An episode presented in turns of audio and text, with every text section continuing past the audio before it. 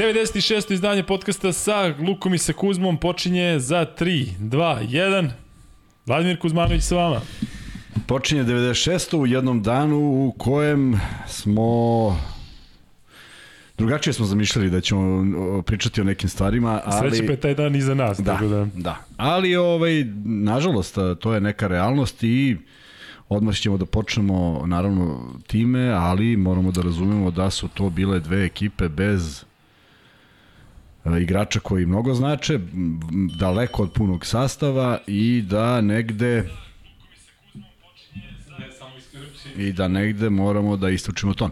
I da negde nije ni iznenađenje ni poraz Partizana, ni poraz Zvezde, ali jeste u neki segment igre jesu i o tome ćemo da pričamo. U svakom slučaju neverovatan dan zato što sam u jednom trenutku malo što si pričao, gledali smo na, ist, na ekranima Euroliga, Euroliga i onda pred kvalifikacije za evropsko prvenstvo Austrija, Hrvatska potpuno nadrealno da se u jednom danu igra, a sutra nas I svetsko, očekuju, da, i sutra očekuje svetsko. Tako da je sve to malo čudno, ali ajde da krenemo ovaj od malina, hoćeš da krenemo od šifre malina? E, hoćemo krenemo od malina, ajde. tako je.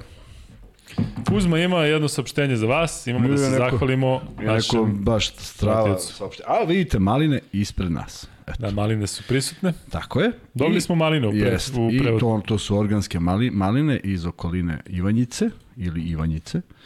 I ja želim da se zahvalim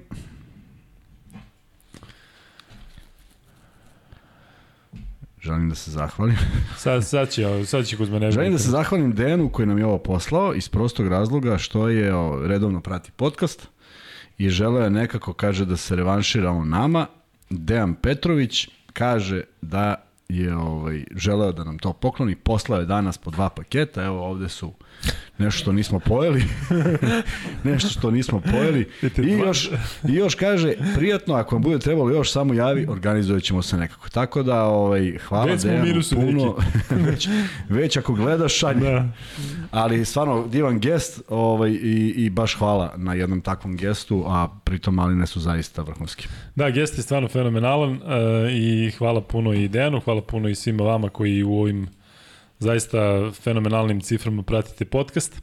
E, imali smo u prethodnom podcastu Iliju i Marka, naše kolege, i e, bilo je zaista lepo. Prvi put e, četvorka Kako ti se činilo to kada smo ono... Bilo je neobično da smo i ti sedeli onako kao ovaj, u, šklu, u klupi. U klupi.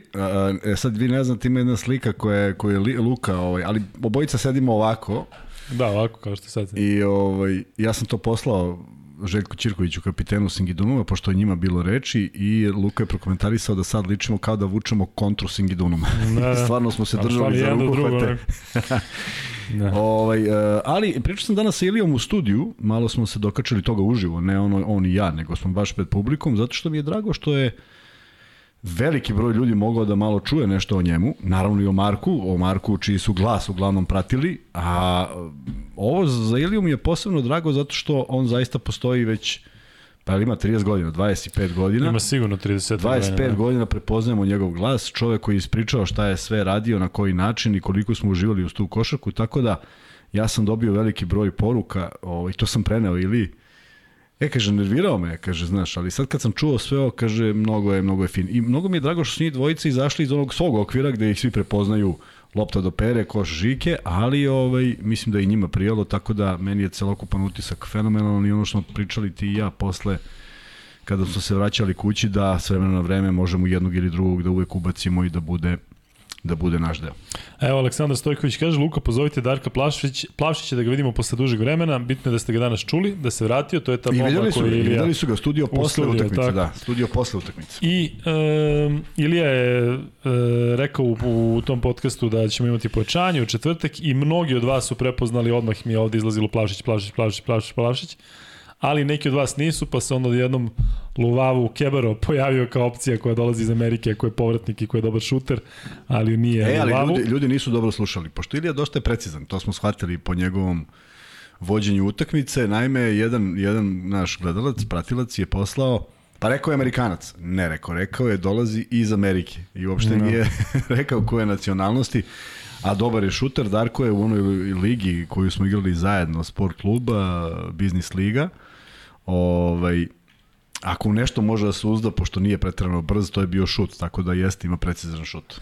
Da, ja mogu da se pohvalim da smo i Darko zajedno osmislili igru šutersku za tri poena i vodili smo na hiljade partija tokom korone u četvrtoj gimnaziji, što meni posebno znači zato što je to moja srednja škola. I onda su nam taj koš skinuli i odneli sa sve mojom mrežicom koju sam dobio za rođendan od Coka Cokčeta. Znači, potpuni haos, ali ovaj, u tom periodu... I još u sudskom procesu, jel? Da, ovaj, prošili su futbolski teren i odneli su koševe, ali ovaj, bilo je super na tom košu zato što apsolutno nema nikoga nikada i onda možeš da šutiraš do besvesti i ovaj, ja i Dare smo tokom one prvog talasa korone kažem, odigli na, na hiljade partija, bukvalno ne preterujem. U svakom slučaju, drago nam je da se vratio. E, danas e, je prenosio zvezdu zajedno sa Kuzmom i e, znate... I nije iskod... doneo sreću, mada su mnogi očekivali. znate iskod tog meča 93-79 za Fenerbahče, Partizan odmah nakon toga još ubedljiviji poraz. Olimpijakos je slavio u duelu protiv Partizana 87-58. Kuzma, pričat ćemo pojedinačno naravno i o utakmicama i o svemu, a E, daj samo neki opšti utisak, ili možemo da uvežemo ove da utakmice? Možemo, Rekao naravno, si na početku možemo, da je, da, da je e, u neku ruku očekivano, ali opet boli. Da, boli, svaki poraz boli. Mislim, koliko god si spreman da, da, i da pružiš dobru partiju, uvek ti Možda se desi bude fantastična utakmica, ti je jedna lopta ispala, ne znaš, ne znaš šta je gore, da li to ili ovakav poraz. Uh, Uh, ono što je simptomatično za obe ekipe, kraća rotacija, Partizanova znatno kraća, ne samo zbog odsustva igrača koji su u reprezentaciji, već i zbog činjenice da je Koprivica polomio šaku, da je egzumu noga u longeti, što su neverovatne stvari kaka, kakvi sve maleri su potreli Partizan, na sve to Papa Petru je otputovao sa nekom temperaturom, tako da uh, mislim da je onih da je ono poluvreme i pa i više od toga skoro dva minuta pred kraj treće četvrtine sve nekako izgledalo da Partizan može naravno, naravno Uh, kao i što ima onih pitanja zašto je morao da menja, pa prosto Željko je morao nekog da ubaci, nije mogao da igra i po koju cenu da igra sa, sa celom ekipom. Uh, 40 minuta kada je bilo evidentno da će jako teško moći da okrenu rezultat. S druge strane, Zvezda u manjim problemima tog tipa I opet jedna, jedna specifičnost za Zvezdu, novi igrač na parketu Evrolige, ovoga puta Kuzmić. Ovo dakle, njemu ćemo da pričamo posebno. Da, spremio dakle, sam, spremio se, sam jedan odlično. onako prilično onako ozbiljan govor, predgovor. Dakle, ponovo se je pojavilo to da, da, da jedan igrač se ubacuje u petorku. Ja zaista ne mogu da zamislim kako oni treniraju. Mislim, ne znam kako izgledaju trenizi, ja ne znam da li je Kuzmić u prvih pet ili u drugih pet, ili u trećih pet, ili uopšte ne trenira, ja to ne znam ali ovaj, preželjkivao sam ga da ga vidim zato što mi je nejasno u celoj koncepciji zašto nije tu. Uh, on je odigrao fenomenalnu partiju za to vreme i koje je proveo na parketu i uopšte posle toliko pauze odigrati tako, ja mislim da da zavređuje ovaj da, da se obrati pažnja jer nije mogao zaboraviti da igra košarku, možda nije mogao da je nosi 40 minuta, ali ove minijature mislim da će moći da igra ako bude bio i dalje u opciju. U svakom slučaju, skraćene rotacije, Lepo si stavio naslov danas posla Vančeku u kolo desetkovanih. Desetkovanih, da. Zvezda, Partizan, pa i svi, znaš. I mnogi, Jest, mnogi su otputovali. Važi i za druge i što povređeni, što neke koji će da budu u reprezentaciji i tako dalje. Tako da i, Efe, i Fener je imao svojih problema, verujem i Olimpijakos da ima svojih problema. Nisam, e, tu sam drugu utakmicu gledao utišano, samo sam želao da im šta se izdešavalo. Tako da nisam mnogo pratio šta su pričali I, ovaj, I jeste to sve činjenica, ali odlazi se ekipama koji su bili prvaci Evrope, ne toliko davno. I dakle, koje sastavljaju tim da ponovo sastavljaju tim da ponovo odu na taj Final Four. Prema tome, e, treba biti zabrinut zbog nekih stvari. Hoćeš krenemo od zvezde? E, ajde da udarimo pol, pa koga ima više da njima damo prednost. Šta kažeš na to? Zato što nam je uvek egal. Ajde, ajde, sve. Ajde, da. Lanček stavi za koga navijate, ono, klasika, Zvezda, Partizan, neko treći pa ćemo da pustimo da prođe malo vremena. Umeđu vremenu ovde e, možemo da odgovorimo na neka pitanja. Ajde. Prvo ja bih voleo da se oglasi Ra, za koga mislim da nam je ostio prvi komentar. Ja mislim da je Ra drug Džale, tako da Ra ovaj, samo se ovaj, samo se javi da si ti. E, e sada, imamo pitanje za Činanu Onuakua koje je Leksa postavio, samo da ga pronađem. Mhm. Mm Lek se pitao šta mislimo o Činanu Onuaku koji je slobodan agent i koji je igrao za Sasari i koji izvodi onaj granny style slobodna bacanja. Dakle, Onuaku je prošle godine igrao za Herzliju i uh, jedan od najzaslužnijih što su izbacili Makabi u polufinalu i to su ih baš izbacili u onom uh, drugom meču je bilo plus 20 i Herzlija kasnije igla finala izgubila od Holona. Međutim, Onuaku jeste bio MVP ja mislim čak i cele izraelske lige, ali mislim da nije neko ko je uh, dobar za Partizan, zato što je to opet neka vrsta eksperimenta. Ja sam generalno skeptičan prema tim igračima koji tek treba da ovaj da nešto pokažu, a ranije su igrali na nekom nižem nivou. Uh, zanimljiv je, definitivno, ima sličnu energiju kao Lesor, ima bolji šut od njega, dakle on izvodi onako Rick Berijevski slobodna bacanja i kao što je izvodio Radivoj Korać, ali ima sasvim pristojnu ruku, može da pogodi za tri, odličan nosić za skok, snažan je, ali je malo tanak što se tiče živaca. Ne znam kako bi odreagovao u, u Partizanu, pred navijačima, pred eh, punom dvoranom, ali u suštini ako nema boljih opcija, ja sam predlagao Džlila Okafora, samo da se vidi u kakvoj je formi. Mislim da je u ovom trenutku mnogo bitnije za Partizan da se pronađe opcija na playu, zato što smo danas videli u ovom meču, da Partizanu baš fali play, ja imam problem sa Madarom, izneću i konkretno stvari što mislim da mi je smetalo. neki, neki lični problem? Ne, bo, po, postaje, lični, postaje lični, zato što sam se iznervirao u toj meri da dok sam radio Maccabi e, Barcelona, pa u tim pauzama sam se ozbiljno iznervirao zato što su to neke stvari koje jednostavno, ne, za neke stvari nemaš opravdanja i ne možemo, pričat ćemo konkretno, ali ne može Obradović da mu kaže, e, znaš, ovo radi, to je nešto što se, što, što ide uh, ovaj, još iz nekih juniorskih dana, neki osjećaj, tako da e, govorit ćemo konkretno, bilo nekih 5-6 problematičnih e, poteza, ali baš se videlo da fale Egzumovi prodori i da fale Andjušićevi šutevi. Panteru kada ne ide trojka, danas je šutirao 1 od 7, Partizan jednostavno nije imao neku opciju da, da to nadokladi. Evo, Luka, šta misliš o onom centru iz Dinama Sasarija što šutira bacanje iz Bonara, free agent je sad. Ne znam da li free agent, zato što mislim da i dalje uh, u Sasariju. E, komentar za Brodzijanskog, verovatno za ovu partiju koju je odigrao za Slovačku, e, to su ti, e, ti meči pred kvalifikacija koji su prilično zanimljivi. E, Luka, sastavite humanitarni tiket za sutra, ima dosta utakmica reprezentacija. Šta misliš Kuzma, bi mogli, a? Pa ajde, pa opet Hoćemo, naravno. zavisimo od naših gledalaca. Nema šta mi da sastavljamo. E, sastavljamo svi zajedno. Da. E, piti ovde da li Zvezda treba da menja trena, da se otvori da vede neko tipa Lasova, pričat ćemo o tome u nastavku. E, I E, plan je dakle da pričamo o Partizanu ili Zvezdi, ali vi odlučujete koga ima više, prvo pričamo o tom klubu, pa onda pričamo o drugom i onda naravno govorimo o reprezentaciji. Međutim, Kuzma, ono što moramo da saopštimo, da sutra nećemo imati podcast, navikli ste da se gledamo i petkom, međutim nema Evrolige, dakle nadamo se da će Srbija da pobedi Britaniju na strani i u suštini bi samo komentarisali taj meč, ali predskačemo podcast, si dobar? Da, da. predskačemo podcast da bi mogli da natempiramo da onaj naš stoti jubilarni podcast. Bude preljak bude ponedljak, kad imamo mnogo više vremena, kad idemo u ranom terminu i kada ćemo moći uh, i da povežemo sa tim da je 22. novembar, ući ćemo 22. novembar, da. 21. krećemo, ulazimo u 22. kada nam je i godišnjica od početka, tako da spremamo zaista sve i svašta i budite uz nas, bit će jako zanimljivo i za vas, želimo da vas uključimo što više, pa i fizički u, u sve to što će nam se dešavati. Vanček, možeš da zatvoriš sada podcast da vidimo da li ćemo prvo da pričamo o Zvezdi ili Partizanu, Zvezda 49%, Partizan 45%, Niko treći 4%, tako da... E, Ajde, ne, ovde, ovde kažu Luka Brodzijanski je verovatno novi igrač Partizana, Mozart objavio. Da, objavili su. Opa, Bato. Pa Bato, nisi znao to, Bato. Javio da Partizan ne traži pleja, tako da Luka može da se nerviraš ako madar. da, bit će nervozi. E, Dobro, ajde da krenemo mi od Zvezde kao što je i bio plan. Dakle, Kuzma... Pa i Zvezda igrala pr prvu utakmicu, pa i nekako ovaj, taj prvi termin od 6 sati.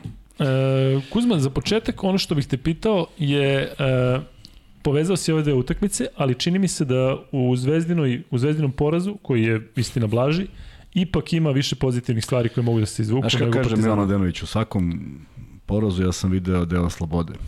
Za mene, kad je počelo za mene tek tad, za kad je gotovo za mene tek, tek tad A šta si vidio u porazu Partizana? Ja nisam vidio ništa. Ništa.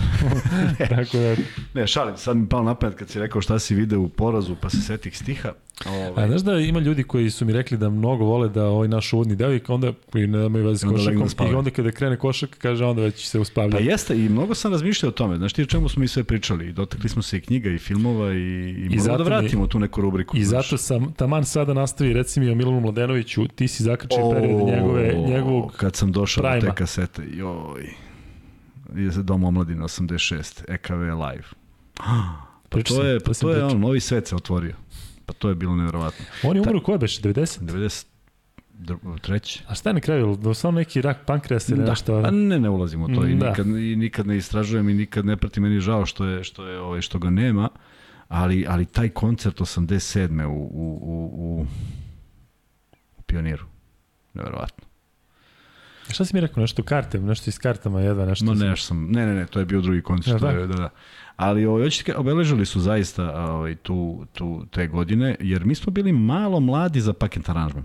Ja sam imao svega 9 godina. I mi smo slušali paket aranžman, ali nismo kapirali baš osim što oni pevaju i mi kao sad slušamo. Te kasnije su nam doprle ovaj, reči i poruke, a, a Ekaterinu smo nekako odmah i prihvatili, i razumeli i voleli šta su pravili i ceo taj album koji sam preslušao i na Walkmanu i na kasetofonu, ne, na nečemu što sad više ne postoji, je bilo beskonačno i mnogo mi je drago što sam što sam u isto vreme u isto vreme ovaj Električni orgazam pravi koncert u Zagrebu. Sad ko je to? 86 sena braća i sestre album koji su snimali uživo.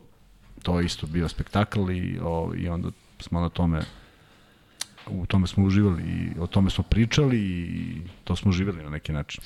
Vidiš, moja generacija je samo, samo je ostalo da prati to kroz kasete i kasnije već Pa da, već, već, već rat donosi da nema da. više ništa od toga. I, to I se pritom sve... onda se ulazi onaj turbo folk i sve i svašta, tako. da, tako da ovaj, ti si zakrčio taj period.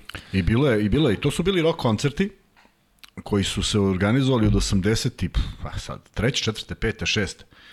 I nekada su bili na otvorenom, nekada su bili u pioniru. Nije se u suštini naplaćivala ulaznica ako si mogao da dođeš do nje, pošto se štampa određeni broj. Na trgu naravno da nije bilo ulaznica i to je bilo bendova od 3 popodne do 3 ujutru. I sećam se da je Dule Živanović koji svira u Ortodoks Kelcima sada, on je imao jednu grupu, Tour Blanche se se zvali. I on je, ovaj, zbog toga što je levak, mogao da nastupa ili prvi ili poslednji. Onda uvijek birao poslednji, to je bilo 3 ujutru kad se svi raziđu. Svirali su dobru muziku, ali nimo ko da sluša. I ali evo sad u Kelcima je koliko već i haha i godina i sviraju ono što, što vole i manje više on je bio u tom fazonu ceo život. Jesi bio skoro na nekom koncertu? Ne, ne. Znači pa već godinama unazad? Ne, ne, ali vidi, uputio sam se na Pepperse kada su bili manje poznati, 96. ne znam kako nađoh Budimpeštu iz Novog Sada, kupili smo karte, spremili se, otišli, supruga i ja, tražili tu Budimpeštu, našli hotel, našli sve. 3000 ljudi. Bio sam razočaran posetom, a repertoar je bio apsolutno da su me pitali šta da sviraju. Ra, mislim da bi smo se mimo išli u jednoj pesmi. Ono u Indiji, posle kad smo svi ispali indijanci. Hmm. I, a bio si ono? Bio sam, da, nažalost. Ovaj, Muka neka posle koncerta nešto bilo nešto. Ne, da. E, to je, to je dobra priča. Pazi, koncert je bio i potop je bio posle toga i negde, negde pred sam kraj ja osetim da je vreme da polako se spakujemo. Međutim, potpuno smo se izgubili svi. Uh, kada smo dolazili, pošto smo putovali oko dva i po sata, od Beograda do Inđije. Dva i po sata. Kako smo kre, prešli onaj podvožnjak, ja sam rekao, nadvožnjak, ja sam rekao, parkiraj ovde, jer nema svrhe, mislim, toliko ljudi, i stvarno smo parkirali tu. I mi smo dopešačili uz onaj pljusak, ušli u kola i krenuli ka Beogradu. I shvatili smo da nema nikoga iza nas. Dakle, nisu prolazila kola. Ja meni niko nije bilo jasno gde su svi ovi ljudi. Dolazimo, kako se zove, Užice se zove na autokomandi. Kako se ne zove Užice, to pored moja e, škole. Odemo tamo, jedemo.Š maraton Užice, pa... Dolazim kući, smeštam se, legnem da spavam, 1 i 15, pola 2. Sedam ujutru zove me kum Ivan, kaže, gde si? Ja kažem, čoveč, šta ti je, spavam? Kaže, pa jesi se vratio s koncerta? Ja kažem, Sad su, kaže, izašli poslednji. Ej, to je takav kolaps nastao. Da, da, su oni sedeli do šest ujutru, niko nije mogao nigde da mrdne od automobila. I nije taj koncert bio ništa spektakularno, ali taj 96. u Budimpešti jeste. i uopšte Peppersi, Peppersi do određenih godina su bili Peppersi, a ovo je sad komercijala i Šajla Bajla i od, od, od pre četiri albuma to je više ajde da popunimo ovaj broj pesama, znaš, imaju onaj album Mars i Jupiter ili već Saturn i Venera, 30 pesama. To, ne to, to Rolling Stones i kad treba izbati sad 30 najboljih, pa, pa će biti muka, a ne 30 na jednom albumu. Tako da je to sve onda postalo malo bez veze, ali do tog perioda ovaj, e, apsolutno nešto što je, što je Ja sam ih video 87. Izašao je Higher Ground spot, imali smo VHS video, pa da snimio, pa sam onda snimio, pa se vrtalo jedno šest spotova koje sam uspeo da ukačim na TV-u i onda puštaš. Lepa vremena, ti kažem. Da. E, Luka, jesi vidio ko šljulja uz zvuk sirene? Jesam, video sam sve preko ruke Bobuje. Da. A, Luka, gde i šta radi Mihajlo Uvalin? Kuzma, gde je ne, zvezde? Pojma. Mislim da sam negde pronašao, možda prošle pretpošle godine da radi negde, dakle on je ranije bio u Poljskoj, ali tako negde, mislim da, da se nešto dešava. Možda grešim. Ele, ajdemo mi na Zvezdu Kuzma. Dakle, evo, ljudi konstantno od početka sezone, odnosno kada su krenuli zvezdini problemi, a sam znaš koliko nije bilo strpljenja za bilo šta, nema i dalje. Ali ljudi konstantno, da, ljudi konstantno pričaju o tome kako konkretno treba reći šta, ne znam, oko Vlade Ivanovića. Evo ja ću ti reći jednu stvar koja, koja je vezana i za tebe. Postoji jedan vlada koji se preziva Kuzmanović, koji je ovde od početka sezone, kao što si rekao malo pre, pominje Kuzmića. I čekalo se, evo, više od 10 utakmica, računajući i Adriatic ligu, ispostavilo se kao pun pogodak. Da li je eto to konkretno greška, zato što smo imali informaciju da je Kuzmić spreman, u smislu da je, da je u ovom stanju, da. da nije povređen i bio je tu, pričali smo kako je tu i sve.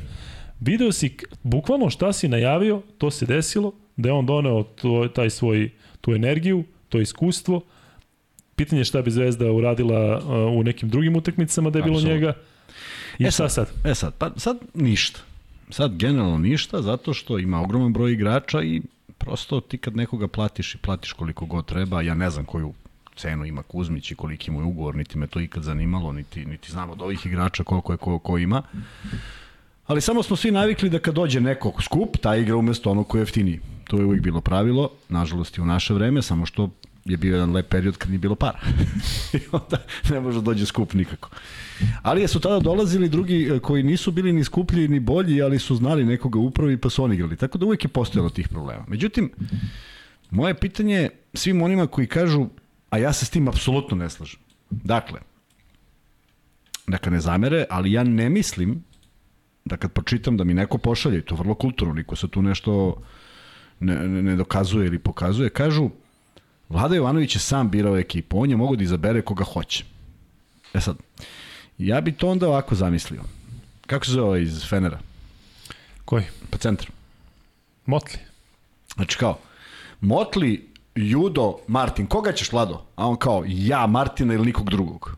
Ne mislim da je bilo tako. Mislim da je bilo više ovako. Martin je slobodan, možemo Hoće da priuštimo. Možemo da priuštimo to. Slobodan je Olimpijakos, evroligaški igrač, koga još imamo u opticaju? E, Đoku, Dragana i Milenka. Ok, ajmo Hasana Martina ima iskustvo. I dođe Hasan Martin. To ne znači da je on bio izbor. Izbor je kad biraš. Na šta su ovde skrenuli pažnju kada smo i pričali uh, ovaj tim je Jovanović uh, ne pravio, već je... Šta kažu? Kažu da je, su četiri bitne igrača, ja sad bih mogao možda da nagađam koje su, došla pre nego što je Jovanović potpisao. Tako je, pa tako je. Pa tako da ni onda on uopšte učestvovao u stvaranju tima. Pa ja to i kažem. Dakle, nemoj da se zavaravamo. Jedini, ja mislim da je jedini čovjek koji u Zvezdi to radio, to je bio Saša Obradović, u potpunosti. I nije ispalo dobro. I mi smo, nismo ovde, ali smo tamo u studiju pričali da će svaki sledeći trener da propati kada će dobiti šansu da sam sastavi ekipu.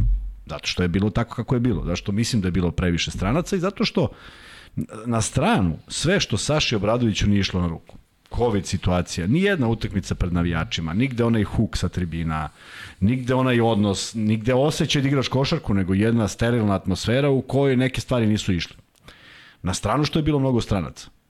Pokazatelj, kad je Saša otišao, taj moment, ja ne znam koja je sledeća utakmica, ali sigurno može negde da se nađe. Neka obrate navijači ako imaju gde da pogledaju. kako izlaze igrači na teren sa kojim nekim olakšanjem i, i pozdravljaju se i donose neku novu energiju kao otprilike da im je nešto palo s leđa. Šta god tu da nije valjalo. I Zvezda tu počinje da igra. I tu se vraća na Lazić. I tu se nije vratio samo Lazić, nego su mnogi dobili svoja mesta, pa i Dobrić. Bez obzira što je igrao najviše, ali prosto očigledno nešto nije valjalo. Ej. A to se ljudi sad nadaju, ovi koji govore da treba da ide Jovanović. Ja mislim da niko tu nema lošu nameru niti mrzi Jovanovića, nego se baš nadaju tome potrebno je nešto da se desi da bi se ekipa podigla, koja ipak je sastavljena je, Kuzma, da, e, okay. to je ozbiljna ekipa, tu ima 7-8 okay. ozbiljnih evroligaških no, igrača. Sve to stoji, sve to stoji, pa ozbiljnih, ozbiljnih, ima evroligaških igrača, ozbiljnih, ne bi baš 7-8 rekao. Govorimo o, o igračima koji su igrali Euroligu za ozbiljne Tako timove na ozbiljnom nivou. Tako je, ali jedan je bio šesti. Računamo i Lazića. Jedan je bio, što je, ne, ne, računamo, doma, ne, ne, računamo Novajlije. Dakle, jedan je bio šesti, jedan je bio možda i osmi u rotaciji, jedan dugo nije igrao NBA, iako je van serijski, zaista je lepo gledati Vildosu kako leprša po terenu, ona banana je bila fenomenalno ulaz, izbačena lopta iz globa, sve je to jako lepo, ali doći ćemo do Vildose, ali nisu da te, dakle, to bili vodeći igrači. Evo, danas sam, gledao sam i Partizan. Si video moment kada Ledej a, sa 45 stepeni uskače u reket, naskače na jednog, na drugog, gradi se, op, daje lopta u visokom luku u tablu i ulazi u koš. Ja nisam vidio da je Bentil postigao ikakav sličan koš tome. Znači, najjednostavnije. Kad kažem najjednostavnije, odigraš jedan na jedan. Bentil jedan na jedan igra ili šutem, ili uh, fade away posle nekoliko driblinga. Dakle, nije neko ko unosi, raznosi i siguran si kad dobije loptu, što se i videlo.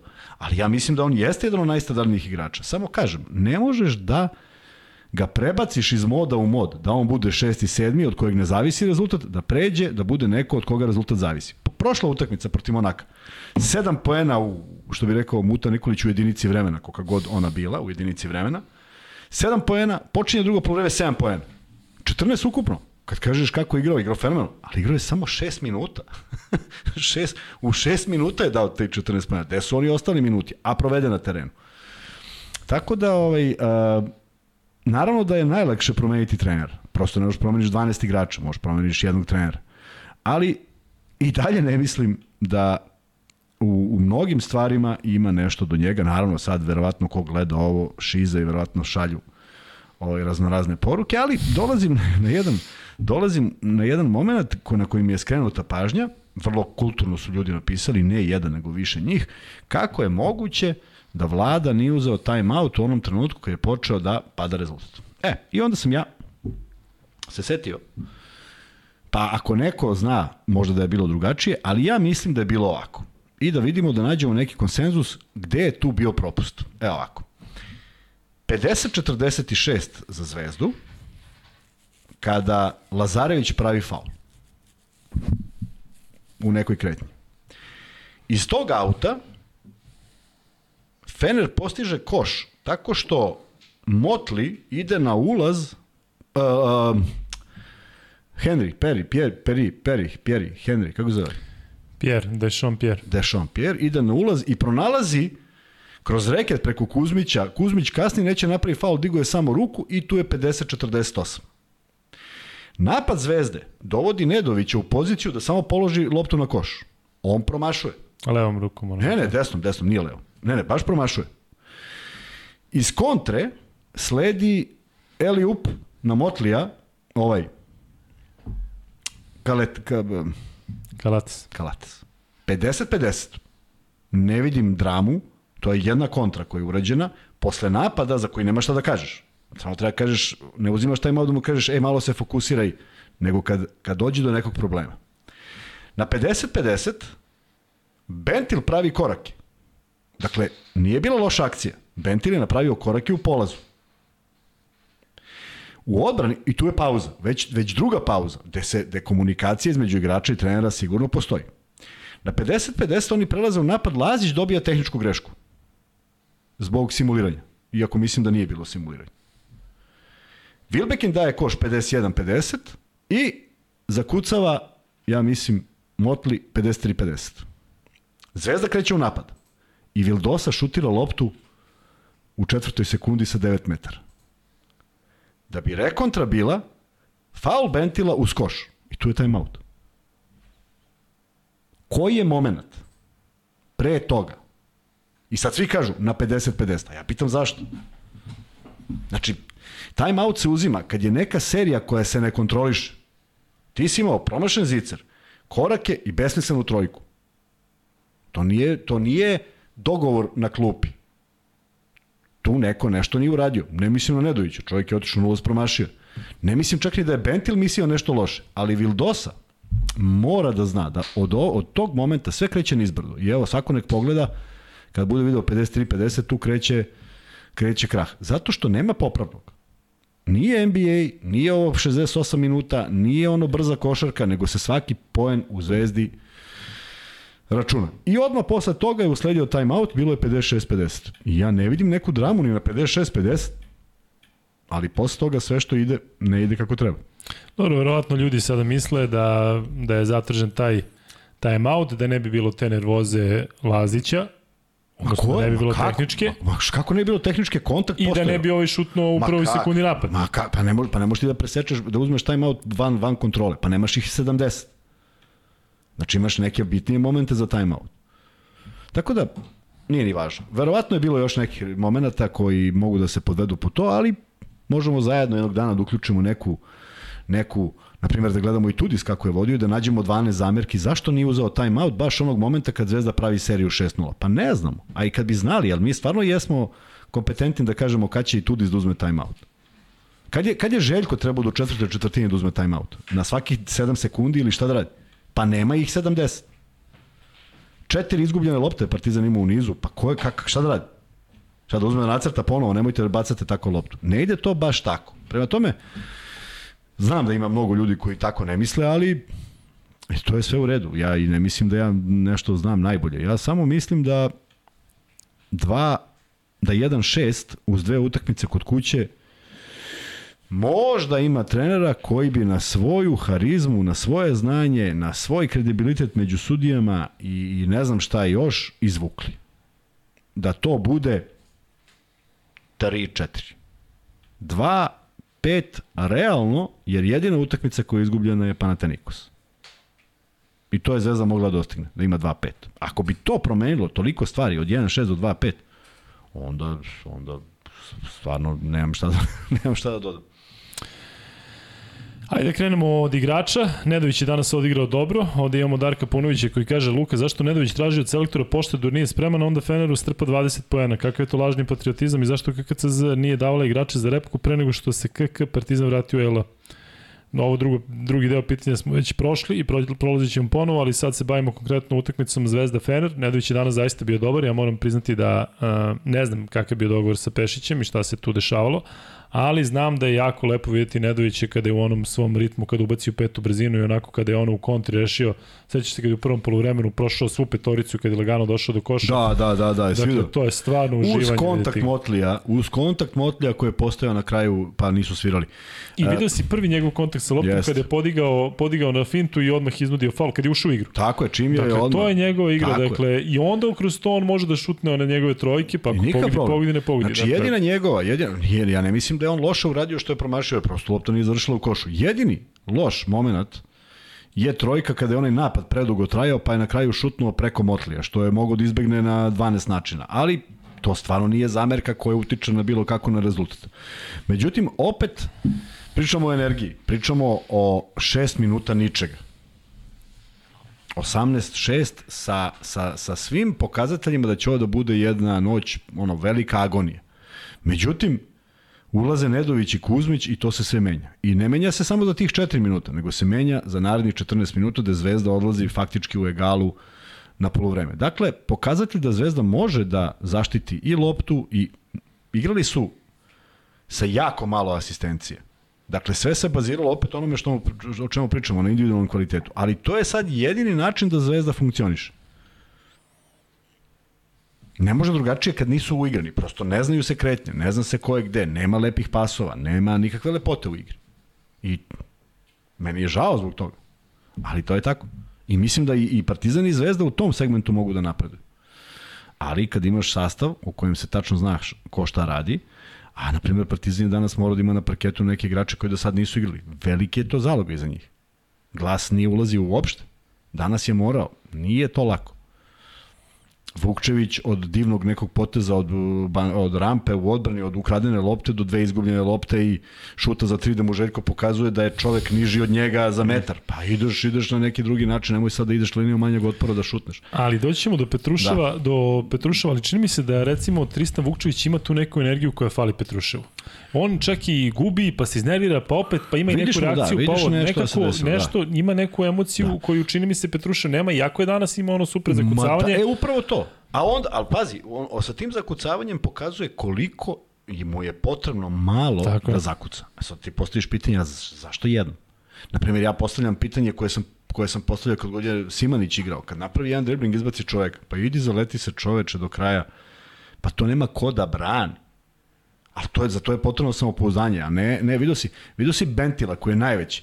Kad god uđe u kontakt, on malo ruku ispred, jer nema to. To Lazić ulazi glavom u, u, u čoveka. On ne.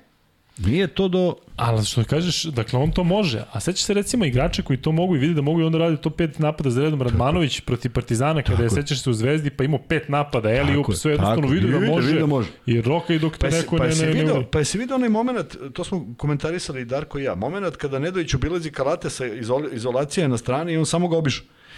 Jer to prošlo? Igra i do sutra. Tako. A zašto se ne igra sledeći napad to? E, da li zaista misliš da je Vlada, Radma, da je Vlada Radmanović, da je Vlada Jovanović uzeo time out, posle kojeg Petrušev šutne trojku? Ako je to uzeo, ako je on to nacrtao, ja prihvatam sve i želim da Vlada ode. Ali ja sam ubeđen da to nije bila ideja. Uzmeš time out i kažeš, e, aj sad ti šutni trojku. Još Petrušev ono ranije kada je digao finta za tri pojene i onda pravi jedan dribling, a oko njega 5 metara u prečniku nema nikoga. To kažem. I on nastiče na 6 tako je. 15. Ne na 6 25, nego na 6 15. Tako je. Šta će ti taj šut? Sve i da si pouzdan, a nisi. Zato što... Uh, uh, ono što... to sigurnost, Kuzma? Ma, ko je? To njegovo, da je nesiguran, da mu još nešto fali zato što meni se čini da je, nije da je nego na početku nije sezona. prepoznao šta se nalazi ispred. Ali, to je problem. ali to sigurno, zato što ono išao po automatizmu kod Dangubić. Da je sigurnost. Da dakle, on je namerio sad, uf, pa na fintu da je da šutnem ja. Tako je. Jel to dolazi vremenom? Ili je to sad zakucano i jebi ga? Ne, ne, nema to, tu da se to, to, tu sugestiju sada, kad gledaju snimak, kad on pogleda snimak, on mora da kaže sam sebi, čekaj, veri, zašto ja ne odu do kraja? Zašto ne odu još 3 metra? Zašto je stao na 6.25, što kažeš? Kad sam ja šutno dugu dvojku sa naskokom dubokim? Nikad. Ne možeš da vežbaš, ne možeš da vežbaš šut na jedan način, a, šut, a na utakmici šutiraš na drugi, pa to će jednom da uđe. Ali ono što je mogao dobio tom fintom, koja je bila izuzetno brza, to je levi dribling 1-2 i ko se postavi na faul napadu, svaka mu čast. Ali ja mislim da ne bi niko, a možda bi samo jedno. Danilo Mitrović e, donira i kaže svaka čast za podcast, ljudi samo nastavite tako, to Danilo Mitrović od Da, 100%, da. da. Um, Znaš, ajde kad smo kod Danila Mitrovića, ne znam da li se nikad ispričali, čuvena ovaj, anegdota kad je Omar Kuk postao crnogorac. Dobro. I ja odlazim sa njim da mu sredim tamo, da mu pomognem papirološki da ne luta. I dočekuje nas Dača Mitrović. Nasmejan, brkovi uredno, frizurica. Pozdravljamo se, sve to, oni se upoznaju i kaže, Kuzmice, prevedi. Ti si Omare Crnogorac i ti si Kuk za to što si iz Kuča. ja kažem, Dačo, mogu te zamolim da ne prevodim? Omar Kuk, pa nisam. Nije. Ja kažem, želi ti dobrodošlicu. Šta da kažem? Koji Kuči, kako mu objasniš bilo šta? Ti On je si... prvi, prvi naturalizovani, prvi, posle da. toga idu ročesti da. i ostali. Ti si Omare Kuk za to što si iz Kuča. A, da, Kuk je mnogo dobar dečko. On je moje godište i sećam se da je ovaj, da mu se čerka rodila u Beogradu A, tako da je vjerojatno ona Srpkinja, to tata Crnogorac, ona Srpkinja. Tako, eto vidiš, mešoviti brak. Jeste, da. E, I opet piti Luka zašto Nedović traži od selektora poštedu. E, Gde znamo mi taj odgovor? Ne, više ovde ljudi ovaj, pa znamo, gde znamo? kažu da je nespreman. E, ne, znamo, ne znamo celu situaciju, to hoću da kažem ja. Zato što recimo danas sam dosta razmišljao, verovali ne, jedno pola sata o Aleksiju Vramoviću, kako se on povredio tokom prozora reprezentacije i evo ga u ozbiljnom problemu i dalje ima gips, mesecima ima gips. Tako da, ako niste potpuno spremni, Možda jeste pošteno da, da ja ne, i dalje Nedović se vraća u formu, tako da ne pravdam ga, ne znam celu situaciju, ali valjda je dobro što je danas odigrao dobro. Mislim, e, pitanje je da li bi toliko imao prostora u, ajmo ovako, u reprezentaciji. Ajmo da, ga, ajmo da posmatramo drugačije. Uh, Nedović je pre, pre odlazka u, u, za reprezentaciju potpisao za zvezdu, ali tako? Da je odbio reprezentaciju, možda je bio zdrav. Možda bi ova sezona u kojoj on sigurno nije bez pritiska, u kojoj sigurno očekivanja jesu velika, u kojoj mi ne znamo kakve on pritiske trpi da se vrati na parket, on sada tek drugu utakmicu koju igra treba kaže, e, sad se ja vraćam opet ovamo, a, a nije zadovoljan svojom formom, jer ja mislim da on danas voleo bih da je on 100% bio siguran kako će izgledati ova utakmica. Voleo bih da jeste. I voleo bih da svaka sledeća bude takva, ali kada se neko vraća iz povrede nije u to siguran. Da odeš, da ostaviš ekipu, bez obzira što je utakmica sa Nedovićem još 30% boljim, pitanje da li bi mogla biti dobijena, ja mislim da negde postoji pritisak koji on osjeća, koji on ima, od kluba koji ga je platio ozbiljno, od kluba koji očekuje od njega ne da igra, nego da bude vođa. A on to ne može da, da uradi još uvek. I on će pokušati verovatno sve. Vrlo zrelo je igrao danas. On ima mnogo onih nezrelijih utakmica u Panatenikusa. A ovde ima tu težinu da osjeća da treba da bude vođa i da javnost to od njega očekuje. Jeste, Prema ima, tome... ima i vidi se i po govoru tela, tako recimo je, kad je Kuzmić imao onu mrtvu loptu ili kad je nešto uradio, on ga baš ono tako pozdravlja. Je, tako dakle, je, tako on ovde lagano preuzima lidersku palicu, ali potrebno je strpljenje, a toga nema i jednostavno navikli smo na to, tako da Jasno je da je pod velikim pritiskom, što kaže Kuzma, ne znamo da li je Pešić u njegovom u razgovoru rekao, e, jesi spreman, on rekao, nisam spreman, ne, nagađamo pa sada, ali ovaj, e, vidjet ćemo. Ajde da kažem da sačekamo još malo pa da vidimo e, ko je tu bio pravu. U svakom slučaju bavit ćemo se reprezentacijom, to hoću da kažem naknadno kada, kada budemo e, završili priču o Zvezdi i Partizanu. Dakle, što se tiče Nedovića, ili imaš da dodeš još nešto, ja ću da kažem da je on bio najefikasniji u Zvezdi sa 17 pojena, imao i 4 asistencije, šut za 2 610, trojka 1 od 5 i još to fali. Penali isto nesigurni 2 od 4, ali 2 od 4, posljednja 2, to je onaj faul na kraju utakmice, ali Ali Nedović, da ja mislim kada sam rekao na početku da Zvezda može da izvuče nešto pozitivno iz ovog meča, to su pojedini momenti Nedovića koje nismo viđali jest, ranije. Jest. Luka Vildosa 13 pojena, 3 skoka, 3 asistencije za 27 minuta, šut za 3 3 od 7 nekako um, možda je bilo nerealno očekivati da Vildosa odigra kako odigra one prve dve, tri partije da tako igra cijela sezona. Ni ne treba on je, tako da igra. On je prošlu, prošlu utakmicu ga nije, nije postojao. Da, ni ne treba tako da igra. Upravo treba da bude, da bude na parketu tako da ti pomisliš deo je Vildosa i on odjednom bam bam bam i pojavi se i pojavi se nekim majestralnim potezima. A što misliš da ne treba da igra onako da, da... Zato što mora da vodi, zato što on mora da bude jedan koji će spoji ekipu. Dakle, ono kad on ima šest asistencija, to je za mene mnogo važnije nego kada da šest poena. Zato što on može da ih da kad god poželi, manje više. Može da sebi stvori situaciju, nego kažem da možda po, da da, ali može da stvori sebi situaciju da tih šest poena, a mnogo je bitnije da stvori situaciju nekom drugom. Uh, oni Nedović mogu da budu zaista ubojiti tandem, s tim što bi on trebao da, bude, da igra još raznovrsnije, od Nedovića treba da se traži egzekucija, od njega malo sve stranije, što mislim da može, ali kažem, samo da se izbace sad polako, da se izbacuju ti viškovi, da više nema tog lagano ćemo, neka lopta iza leđa, neka lopta iza glave, nešto ovako, nešto onako. To, to više neko, mislim, mora sam da razume da tome, u tome nema prostora. Kad bude bilo i kad Zvezda ima 25 prednosti, onda baci kako god želiš, ali do tog momenta ajde da bude fokus da, da se rezultat protiv domaćina koji je bivši evropski prvak, ajde da pokušamo da odigramo najozbiljnije moguće. I to je ono što svi treneri, ni jedan trener ne voli.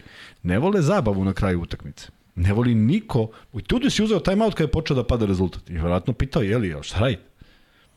Nismo se ovde skupili da se nešto šalimo, nego da igramo ozbiljno. Prema tome, Nijedan trener ne voli takvo opuštanje, a ono nekako dođe u najlošijem momentu. Dakle, Zvezda je u momentumu da sa jednim dobrim napadom smanje na 53-52, a ono u sledećem napadu ulazi na 56-50, zašto je Zvezdin napad trajao 4 sekunde. Ne bi bilo dobro ni da je lopta ušla, jer bi on onda sledeću digo. Mislim, ne bi se zaustavio na tome.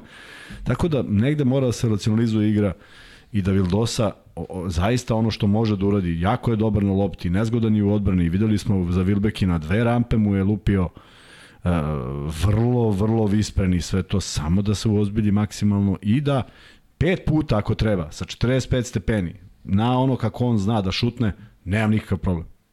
Ali ono preko pola preći i šutnuti gde niko ne sanja da ćeš da šutneš. To, kako bih rekao, ne služi, ne služi ničemu i da je lopta ušla. Bentil 12 pojena, 4 skokali, šut iz igre 4 od 12, 4 od 10 za 2, 0 od 2 za 3. Jel ti se čini da malo preteruje Bentil i da je uzima često i nerezonski šuteve?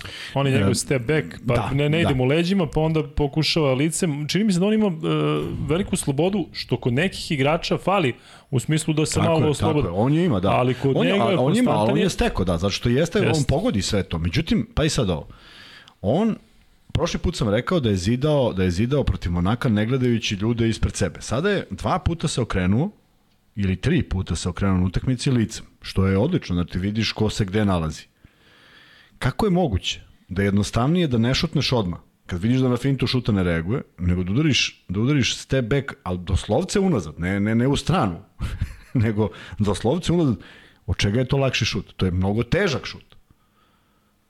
I onda kad je šutirao iz prve, on je davao, dao jedan jako težak koš, ali to su sve kako bih rekao, nisu nisu akcije, nije tu odigrano nešto što je što je cela ekipa verovala da će to da bude koš, nego je to baš onako pokazao i, i, i fokus i sve, ali vidiš kakav je to procenat šuta. U boljim procentima, naravno, zašto da ne, ali u ovim procentima to deluje kao da nemaš izlaz pa i da šutnem na koš da mi da ne ostane lopta u rukama.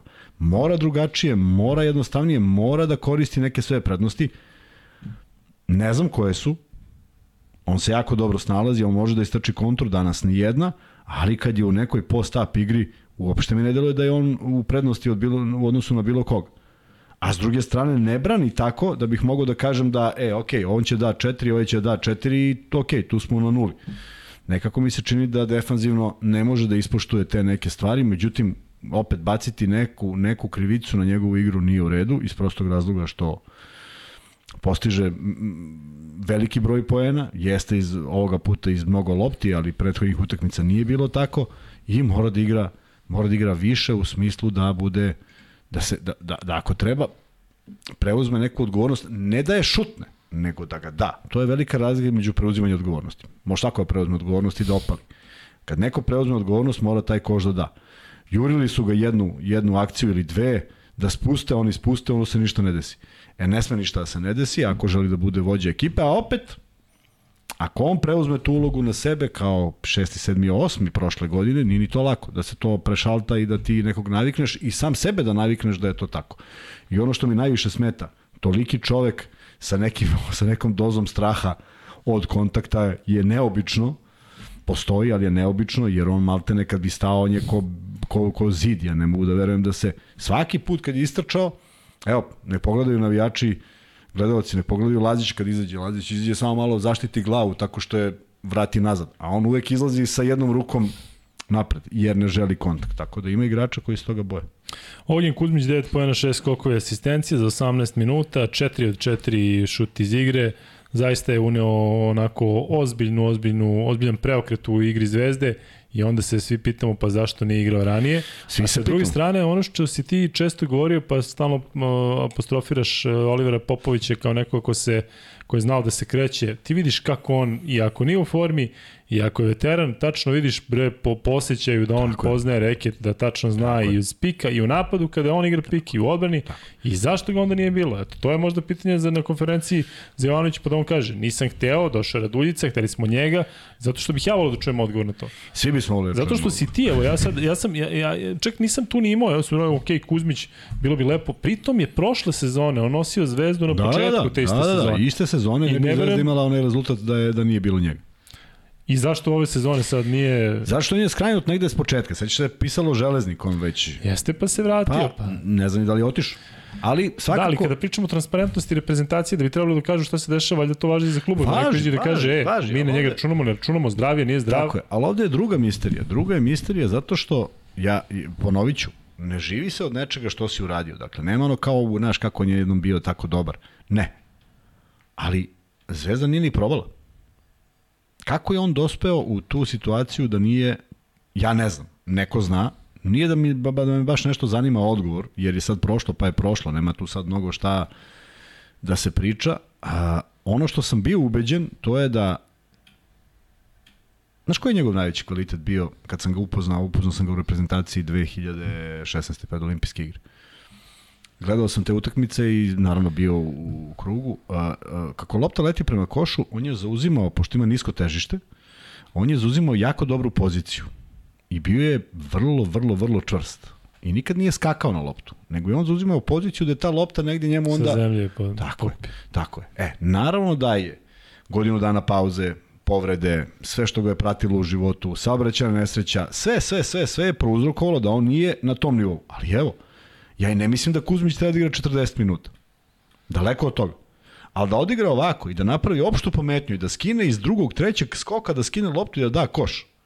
E sad, onda će neko reći, e, jedva ga je dao, nije ostao u balansu kad je bio Kalatis. Pa dobro, lopta je ušla. Možda to nije bilo prelepo. Da, možda to nije, koreka. da, možda to nije bilo prelepo da će da ide na špice. Ali on je dao koš, snašao se.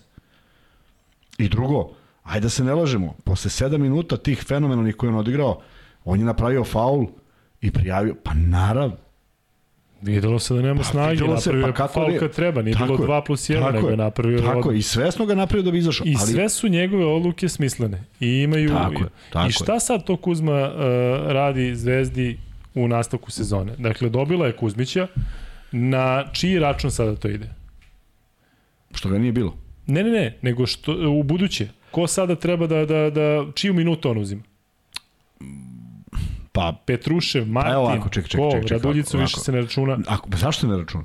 Mislim, sad je to pitanje drugo. Zašto ne, ne računa? Ne, pitam, da li, da, da. šta je ja, pa evo, ja pitam. Ja mislim da ne treba da se računa posle svega što smo videli. Ali otkud on tu da se računa? Da, otkud od početka. Otkud od početka, jer, jer ok, ja sam mislio da je on u fenomenalnoj formi. I kad je on došao, iznudio to neke falove, ali mi nismo li reper kako to igra ovaj. Pa smo da videli utakmicu da to nije išlo, pa smo videli još jednu utakmicu da je uopšte nije išlo, a uopšte nismo znali u kakvoj je, u kakvoj je, u kakvom je stanju Kuzmić. Ali to je kad imaš mnogo igrača i kad prosto možeš da kombinuješ, pa pomisliš ova kombinacija, s, niko ne zna šta je pozadina svega toga, nije mnogo ni važno, bitno je da je sada on nešto pokazao. Dolaskom Mitrovića, ja mislim da oni moraju da budu i dalje tandem na kako god. Bentil, pa čak ne znam više ni da li, da li on kao četiri ili možda kao neka trojka, pa da igramo sa uh, visokim igračima, ne znam, nisam, nisam, nisam baš sasvim načisto, a, ali činjenica da je Martin tu najtanji. A, zato što ne možemo da se nađe pozicija, vidi, onaj moment kad on ulazi u igru i prima loptu na drugom skakačkom mestu i okrene se na levu stranu, ne u reket, nego kontra i šutne, pa to, to Mislim, to može apsolutno svako, ne mora da bude evroligaški igrač, to može bilo ko da uradi, ali ne deluje mi kao mnogo smisleno. Posle toga ide on njegov ulaz ispod koša gde on na svome. Ali ako je to jedini moment u kojem je on na svome, ta osnovna linija, a pritom 10 cm niži od svojih protivnika, nije ti to neka sigurna varijanta za postizanje koša. Prema tome, e, Petrušev Ja da pređemo na njega, Ajde. 8 poena, 2 skoka za 20 minuta, na trenutak dobro, na trenutak loše, oscilira. Moglo je to i bolje, moglo je to i bolje, mora energija da bude bolja. Uh, Imao je jednu situaciju da je u napadu ga je preuzeo Kalatis, on je nešto baš loše, loše to rešio i onda u odbrani je bilo onih 2 plus 1 na Motlijevih. Zaista deluje e, m, tanko što se tiče snage i onda uzme i zakuca onako eksplozivno. Evo, samo nek pogledaju ljudi šta je meni izludilo. Nije mi izludilo fal na Motliju. Nek vrate ljudi ono, taj, taj napad ko, kojom brzinom je on zauzeo poziciju u reketu. To je ono što ja ne mogu da razumem. E, nek obrate pažnju na to, zato što iz, iz toga sve proizilazi. On je došao i stigo. I on je sad stav u reket. Ne može tako. On mora da leti po terenu. On, on mora da bude da isfintira tog i da se brzo vrati na, na Motlija. Ne, ne, ne, ne njega da fintiraju. Međutim, napadački ima dosta samopouzdanja, lepo je rešavao neke stvari. Žao mi je što taj što posle onog zakucavanja i taj šut nije, nije isto zakucao, što ja znam da svaki igrač oseti momena da, da e, sad će, sad će da krene, sad će da šutem trojku. Ma ne radi što ako nije bio dogovor, to se dešava posle time outa. Ako grešim i ako jeste bio dogovor, izvinjavam se Petruševu, neka je uzeo taj šut, ali mi prosto deluje da to nije bila akcija koja je nacrtana, niko ne uzima time out za tako nešto. E, idemo dalje. I defanzivno, i defanzivno sa onim telom mora bolje. Mora bolje. Mora, mora bude i više skokova i više želje i veća energija. A kažeš bolje, misliš statistički ili čvršće ili... Ne, čvršće, ne statistički, to se ne vidi u statistici. Prosto da se odbijaju. Ajde da se odbije neko od njega. Da. Ajde taj faul nad Motliju da bude faul, da se ovaj presamiti i kaže neću više duđem. Da Ajde nek bude tako, kao što imaš takvih igrača. A ima tih faulova, da ovaj kaže neću više da duđem. e, Ivanović, 6 poena, 3 skoka, asistencija, dobio je danas e, prostor 20 minuta, Kuzma, on to iskoristio? Nije. Nije, nažalost nije. Ja mislim da je on u sve većem problemu psihički. Tako mi deluje jer neke stvari koje rade su neobjašnjive, onaj pas u ruke, Uf, ono je bilo preko celog, bukvalno e, najprecizniji pas danas na Najprecizniji, tako je. I, i prosto zakomplikovati život sam sebi tako, sa nekim kao, kao, da je izgubio neke stvari koje je radio do sada.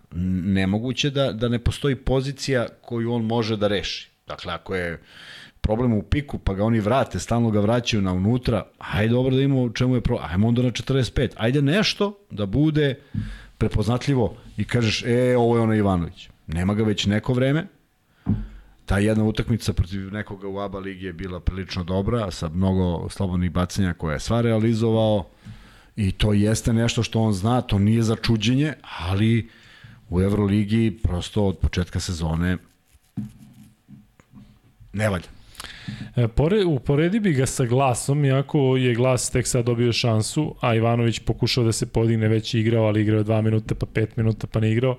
A znaš šta mi nije jasno? Ti igrači koji su nesigurni, sami po sebi, tako, dakle, glas sada je dobio šansu i nema, Ma, nema, nema, čovjek se presaka. Ali zašto biraš najteže moguće dodavanje? Zašto riziku? To sam vidio toliko puta oni bacaju high low preko trojice.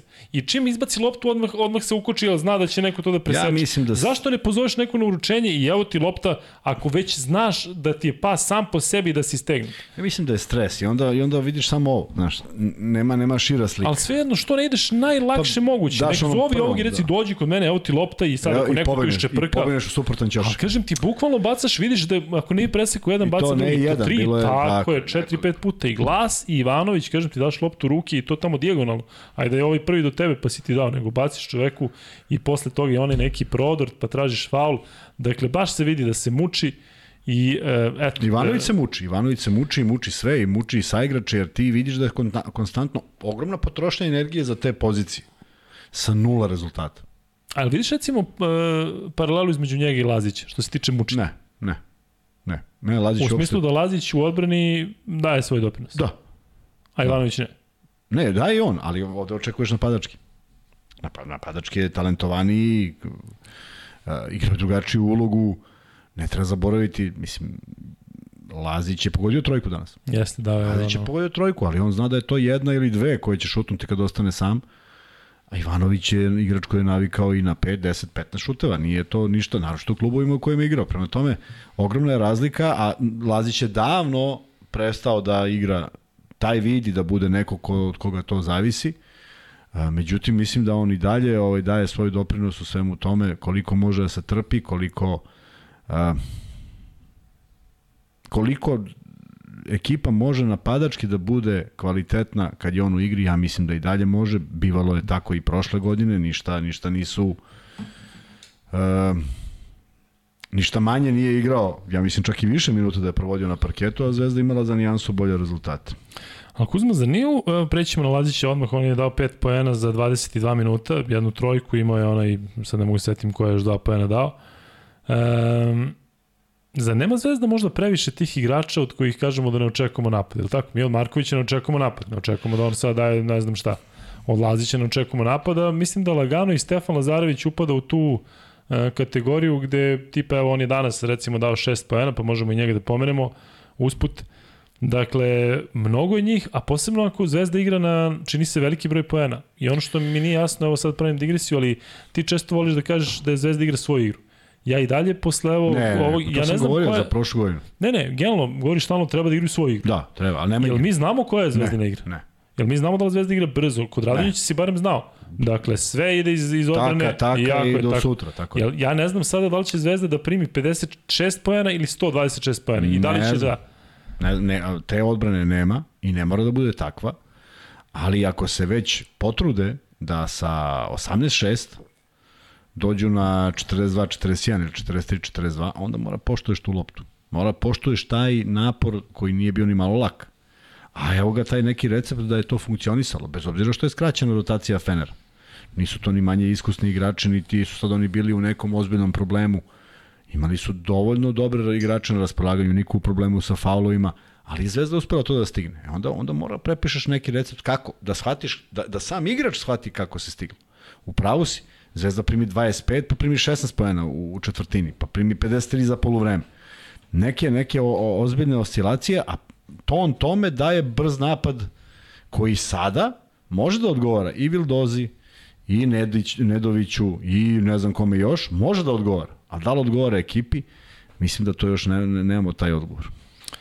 E, ništa, Ivanović, Lazarević, Lazić, dakle, sve smo sada prokomentarisali usput. Martin, e, sve gori gori Kuzma, 3 poena za pa ništa, 8 da, minuta. Ništa, Holand ništa igrao mnogo, malo, 7 da. minuta. Holand, kažem, ja sam, ja sam razočaran zato što je on uglavnom na rečima bio tu ha hu, ha hu i ništa. A jel e, vreme, jel sada otprilike tajming da kažemo da su Martin i Holland promašaj što se tiče pojačanja?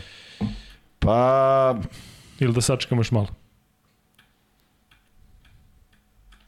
Ne, mo, da sačekamo, šta da sačekamo? Pa da se možda još malo neko od njih probudi. Pa evo, ti ako startuješ, ako startuješ utakmicu sa idejom i kažeš evo ga, evo ga Fener, evo ti ga izazov života, tako? Evo može za Holland? Pa da, pa to treba pojede nekog. Da li može? Možda stvarno ne može. Možda je ovo prevelik zalog iza njega. Ma zato sam su... govorio ti igrači iz Evrokupa koji se tamo pa, steknu, pa onda očekuješ pa, da budu u istoj Euroligi. To pa, jednostavno ne. Evo, evo vidi ovako. Jako igrao Euroligu, ali nije igrao bog zna kako. Vidi ovako. Ja mislim da Zvezda danas, Unix. Danas Zvezda ili Partizan. Treba da potpišu sve igrače Zadra u kako su oni igrali onu utakmicu protiv Zvezde. Sve, ovako da ih kupi pet na neviđeno. Ne bi oni bili u isto u drugom sistemu ne bi. E tako i Holand. Dakle, ovi momci iz Zadra su znali. Jedan za bode podeli, drugi za bode podeli. Što kažeš, oni igraju svoju igru. Oni igraju, da. E, radnički crveni krst, 90-ih. Pa to ne znaš odakle je seval. Tako su igrali. Perović. Bošković, Perović. Velimirović. Velimirović.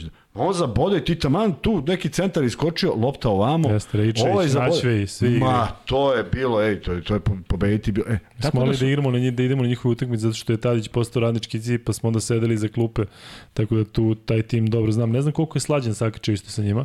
Ne Jeste neko vreme, ali ovaj Ali ono Mirović, to da. što ti svakako, kažeš. Svakako opasna, opasan tim, koji je igrao tako. I to se desi i Zvezda mora da nauči iz svega toga da je jedna individualna odbrana jedan na jedan. Evo pogledaj samo to kod Bentila. Ta, taj, taj moment koji sam spomenuo. Dešon prima loptu i kreće u desni ulaz, fauli koš. Čekaj, gde je ovamo fauli koš? Suviše jednostavno. Nije to bila neka finta da smo svi gledali desno, a on otišao levo. Nego je čovjek napravio fintu napravio dribling. Pa kako? Zašto? Pa tu ne može sad trener kaže trebalo je, šta je trebalo? Pa treba da mogu da ga odbraniš. Mora da igraš malo bolje jedan na jedan. Pogotovo ako znaš koja mu je jača strana. Pa ako mu je ta jača, nek makar ide u levo. A zašto u levo? Zašto ste svi saigrači u levo, pa možda će naleti na nekog da se saplete. E, to su neke stvari o kojima svako treba vodi računa. I ti primaš trojku i onda primaš još jednu trojku. I odlazi na šest iz dva napada. Tehnička, zakucavanje faul i priznat koš. Dva, ba, dva napada, ne tri, dva. Da li vidiš, ne, nekako meni je logično da napravimo poređenje između Zvezde i Fenerbahče u smislu da su doveli i jedni i drugi veliki broj novih igrača i jedni i drugi su dobili novog trenera, što je za mene uvek onako, e, da kažem, e, poziv na opre zato što imaš M novi igrače koji treba da uđu u nov sistem, a ovi stari igrači isto ne znaju koji je novi sistem. I onda sve to treba da uklopiš. Dakle, da je Radonjić recimo trener i dalje, ništa sada ne pozivam da je treba da ostane. Ali sad ti znaš, dolazi Hasan Martin, e ti sad ćeš da se uklopiš u ovaj sistem, Pa ako se ne uklapaš, onda taj Lazić možda ti kaže, e, vidi, radi ovako, moguće, ovako, sam, i ni sam Lazić ne zna, dakle... Moguće ako ostaje, ako ostaje gro ekipe, da, to je onda moguće, ali ipak nije ostao gro ekipe. Ali ni Fenerbahču nije ostao gro pa ekipe, nije, ni Makabi pa nije, nije ostao gro nije. ekipe, ali se tamo potrefilo. Pa. Možemo da, da, da usmerimo negde, kažemo, aha, to tamo funkcioniše zbog toga i toga, mm. a ovde ne funkcioniše. Ne, ovde su se neke stvari pogodile, evo, Darko je pričao da je ovaj Motli volao da opali trojku. Do sad je u 7 kola opalio jednu. Došao je kod Itudisa koji mu je rekao, slušaj majstore, imaš 25 poena u rukama i da ne izađeš iz reketa. Što bi ti išao na trojku, je to shvatio i čovjek tako igra. Ali ima Ivanović te autorite da kaže Bentilu to? Be, ili kome god. Pa možeš imaš igrača kojem to treba da kažeš, pa da on to može da ostvari. Znači, to, je, to je mnogo veći problem. Ja mislim da im čovjek govori šta hoće od njih, ali nikako da se desi. Evo, na primjer, za Holanda. Ja, ja sumnjam da mu ne daje slobodu u igri. Ja sumnjam da ima bilo kakvu ogradu. Ja sumnjam da mu je rekao, slušaj, ako promašiš tu jednu ili bilo šta. Pa hajde čoveč. Pa muka dok izađe iz bloka. Pa čovječ, on je Mahmutoglu, pa treba da uzmu njegovu kasetu CD Mahmutoglu, kako se izlazi iz bloka. CD. Evo te, pa CD. Kasetu ili CD? CD ili na USB, da kaže, aj majke ti daj nam da vidim. Pa čekaj čoveče, o čemu se radi? Pa je li brži? Nije. Pa je li snažniji? Nije. Pa kako? Pa je... A da li je moguće da u Zvezdi možda nije određen toliko... Da, pazi, Mahmutoglu je protiv Barcelone ušao, ja mislim, u sredinom treće četvrtine. Pogodio jednu, pogodio drugu, u posljednjoj četvrtini pogodio još tri. Pa eto. I znalo se da će on danas jednostavno i dobiti šansu tako i da će se igrati za njega tako zato što se čekalo da on jednostavno i tako dobije minutu i se. I kako to niko nije prepoznao? Pa znaš ti koliko je Mahmutoglu imao slobodnih šuteva danas? Vidio si? Koliko hoćeš? Pa je moguće? Pa nije. Pa čija je to greška? Pa ja bih sad voleo da ovaj da da da da da prebacimo na trenera i kažemo Ne, ne, nego jedno za stručni ne, ja štab, to je scout ekipe. Da, i on kaže, znate, ovaj ovaj neće da šutne.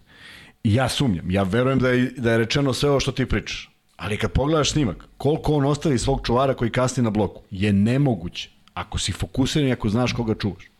Još posebno ako govorimo o brzim bekovima koji treba da ih stignu. Pa, tako? Ne govorimo o tromima pa, nekim pa, koji, koji pa, pa upravo to. Pa upravo to. Dakle, ajde da pođemo svako. Dođeš, dođeš, sedneš i kažeš, ej, da li sam ja uradio sve što sam mogao danas? Zaista, Luka, svaka pobeda i svaki poraz sam se pitao da li sam uradio sve što sam mogao. I bio vrlo samokritičan. I znam gde sam pogrešio. I, I trudio se da to ne ponovim. I toliko se nervirao ako ponovim. Ali sam uvijek polazio. Nikad mi nije bio kriv onaj što nije pogodio koš. I dalje mi se dopada ona ideja koju Ilija rekao u prošlom podcastu da je Zvezdi, Zvezdinim igračima potreba neko da razgovara sa njima. Slažem da li grupno ili pojedinačno. Slažem I ja predlažem da taj neko bude Vlada Kuzmanović. Lep. Idemo. Ajmo jedan pol.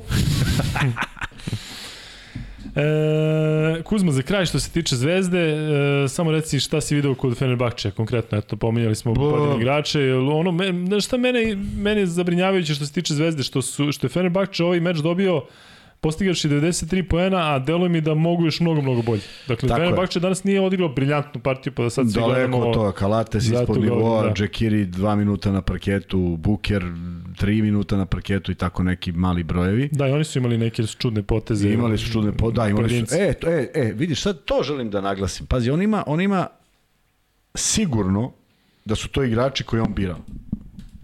U pravom smislu reči. Ne, ne kao vlada. znači, on je sigurno mogao da bira. I on uzme Bukera i kaže što je to. U stvari, Buker je već bio tamo, tako? On ga je zadržao. Bio je Buker, da. I kaže što je to. I čovek šutne trojku u momentu kada Lazić čuva Džekiri. Zar se ne pitaš šta nije u redu? Da, ima je, ono je bio moment, ono sa levi 45, tako? da. da. Zar se ne pitaš, pa čekaj, če, ja, ja da sam Džekiri rekao bi, čekaj, sine, vidio, gledaj, vratio bi polu, cel, odigrao bi isti napad. Samo da mu pokažem da treba baci loptu. Prema tome, zamisli kad u jednom takvom da izabereš sve što izabereš, e, često je kamera snimala ovaj, Tudisa, vidiš da se čovjek ne veruje šta se dešava. Prema tome, a, živimo u instant vremenu, košarka se igra ve, ne, neviđeno brzo, neke greške se ne ispravljaju, neke se isprave same od sebe. Neke, se, neki će se ponavljati, nekima ćemo se čuditi, neki igrači će postajati bolje, neki neće, neki će ići niže, neki će ići više, ali prosto nema više pravila, a mislim da treneri stvarno su onako izloženi jednom nenormalnom stresu, jer koja god ekipa da je u pitanju, uvek se nađe neko ko, ko pokvari ceo taj koncept, jer Evo videli smo danas, na primjer, Barcokas na, na tehničku grešku, tehničku grešku e, kako se zove Grčka? Ko? Pa grčki ovaj igrač, Levak. Papa Nikolau.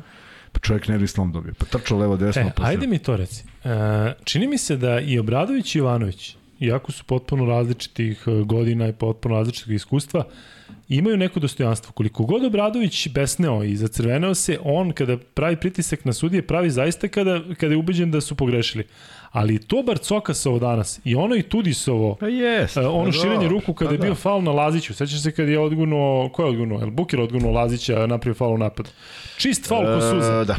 Dakle, one grimase, one gluposti. Jest. Dakle, ti to, pritom Barcokas... Uh, Videli su da prolaze, izvini, okrenuo sam slučajno ovaj, Aleksa, koji, Seriju, koji ne spava. Tropical hit, a? Vi pita me šta radim. a ti Čekaj, pričaš u pa da. ovom... Izvini, slučajno, čovjek je u Čikagu, pa, pa je, nije, ne spava.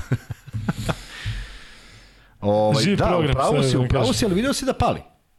Ma odvratno deluje, ali kažem ti naši barem imaju, tu mislim kada govorim naši naši treneri imaju bre dostojanstvo da ti znaš kad praviš kada znaš kad rašiš ruke pa kad stvarno kažeš, ali one grimase kao Znaš, kao čist pa faul pa dobro, i toliko pet puta, glumi, pet da. puta pa dobro, neko, meča. Vidi, e, Govorimo o, ima, da. o gospodi koje spade u, naj, u sam krem. Uh... Meni, meni Tudiš čak i ne smeta. Ali Barcoka me nervira generalno. Majke mi, od uvek. Kad igra, kad dolazi Olimpijakos da ga sačekamo ovde negde, onakog, onakog da dovedemo, mršavog. Da ga dovedemo tu da pričamo. Onakog mršavog da ga, da ga ovaj, uh, ne znam, to su stvari i mislim da... E, danas se, na utakmici, ajde da pređemo na Olimpijakos Partizan, e, danas se desila, desila jedna neverovatna stvar. Ne znam da li si video, igrač Olimpijakosa je reklamirao da nije on udario loptu nogom, nego je udario Tristan Vukčević. Ova dvojica nerado odu da gledaju challenge i gledaju, gledaju, gledaju, ali gledaju jednu kameru, pa i scenu. Prosto neverovatno. I zaključe da je lopta pogodila Grka.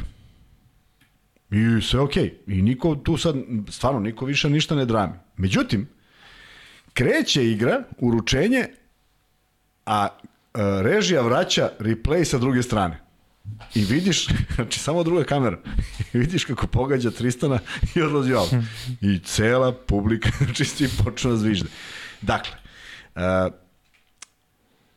i dalje sam ubeđen da to više odmaže nego što koristi košarci i, i dalje mi deluje da, ulu, da uloga sudija postaje sve veća, što mi takođe smeta.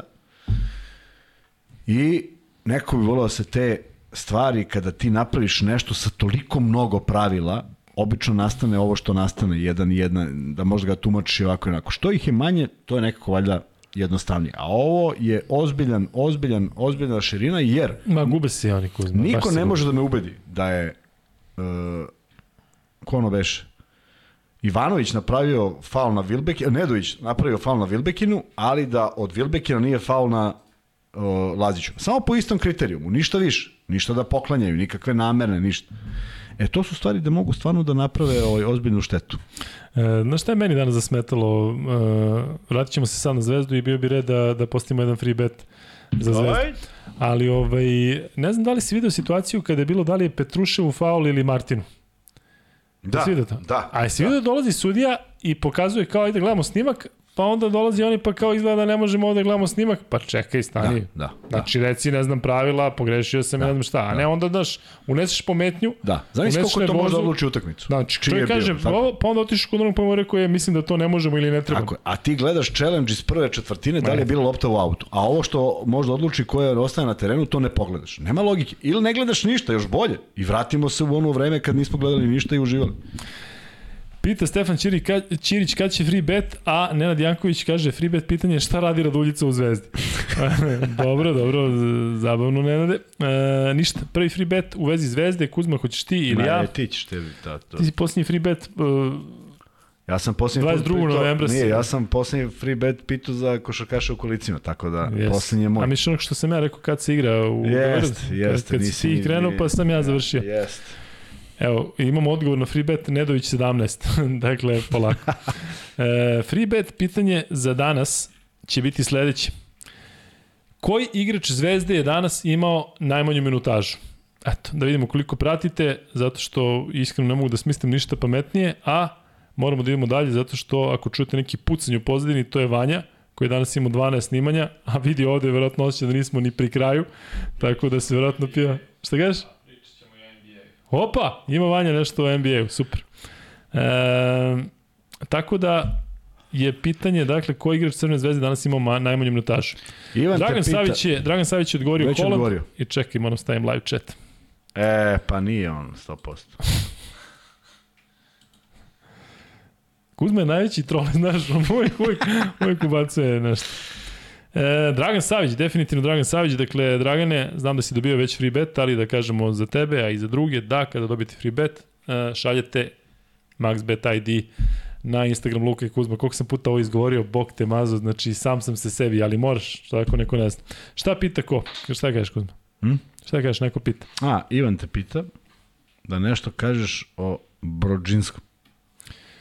Brodzijanskom? Da.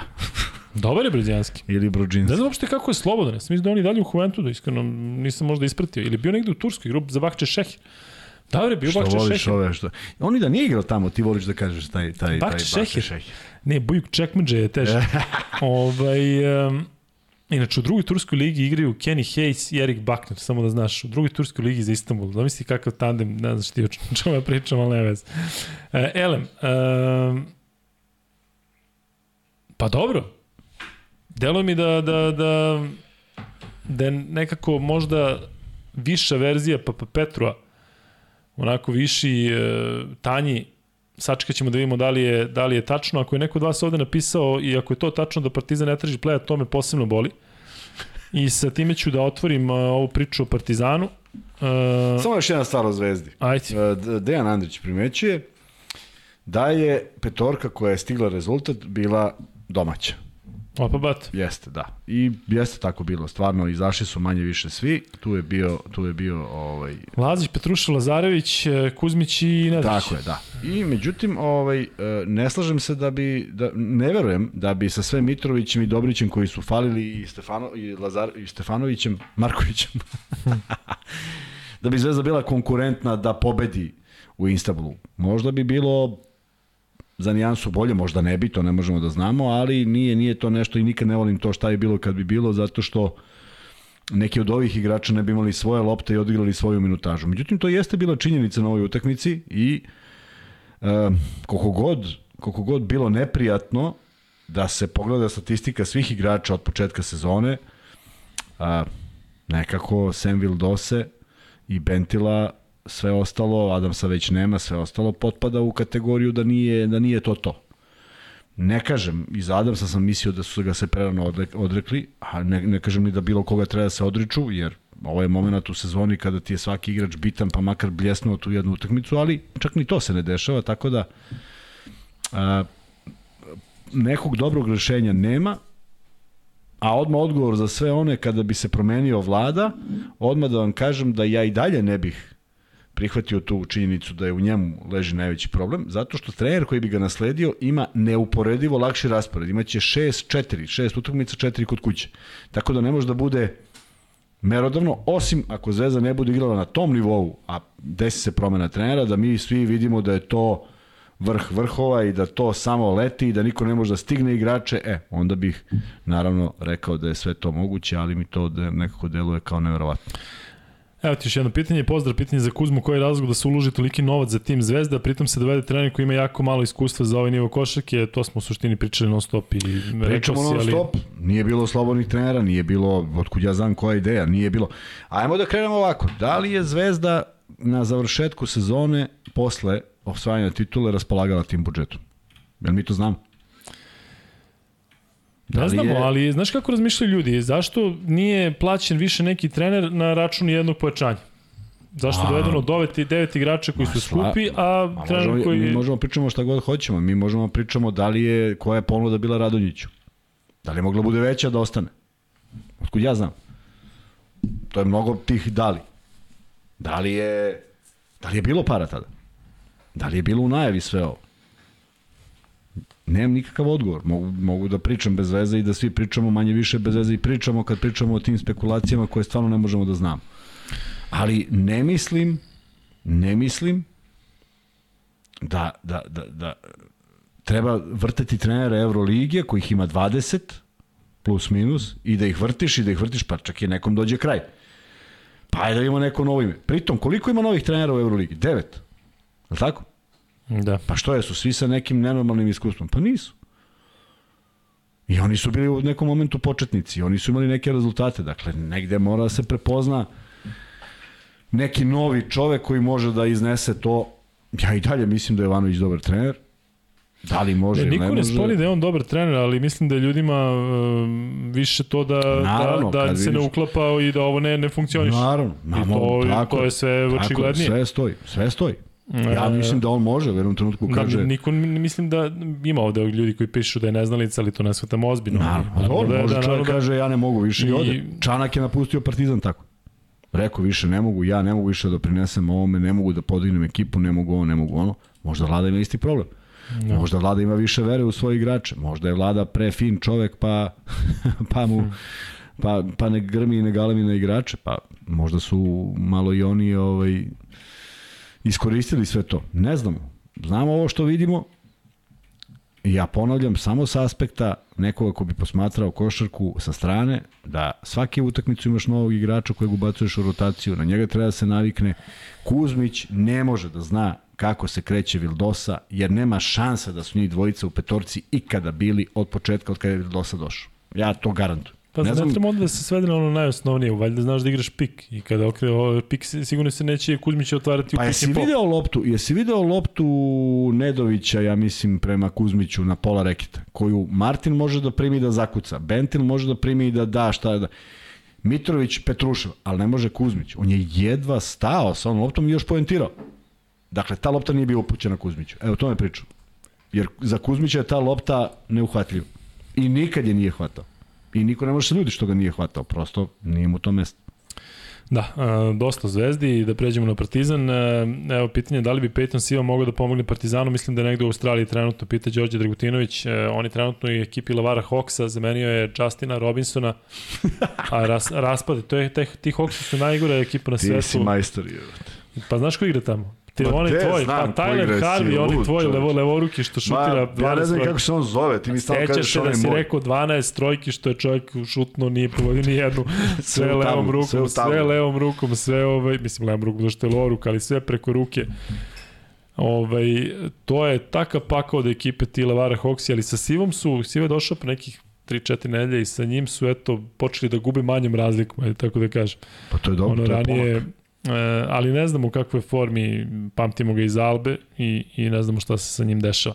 Ništa, Partizan dakle je izgubio od Olimpijakosa 87-58, Partizan sada ima 3-4. E, Partizan je odigrao zaista um, katastrofalno i evo Kuzma reci mi, katastrofalno govorim za drugo polovreme, nosio se sa Olimpijakosom, naravno Partizan odmah da se razumemo, da opravdamo igrače, dakle Partizan igra bez pola tima, kada pogledamo da nema šestorice igrača, danas sam sam sebi nabrajao, dakle nemaš Avramovića, nemaš Egzuma, Smajlagića, Koprivicu, Andjušića i Trifunovića. Dakle, da, ima šest igrača, ali opet Kuzma, kako god, 4 pojena u posljednjoj četvrtini, 20 pojena za drugo polovreme. Da li, za, da li treba da pričamo o bilo čemu drugom? Ba, 4 pojena za 10 minuta. Jel, jel si to doživeo? Pa, da ste dali neka toliko? Ne sam, ne mogu setim. Samo ne mogu. Mislim da nismo, ali nije to merilo neko. Merilo je da, da jednostavno ta ekipa koja je bila na parketu izgleda, igrala je izuzetno.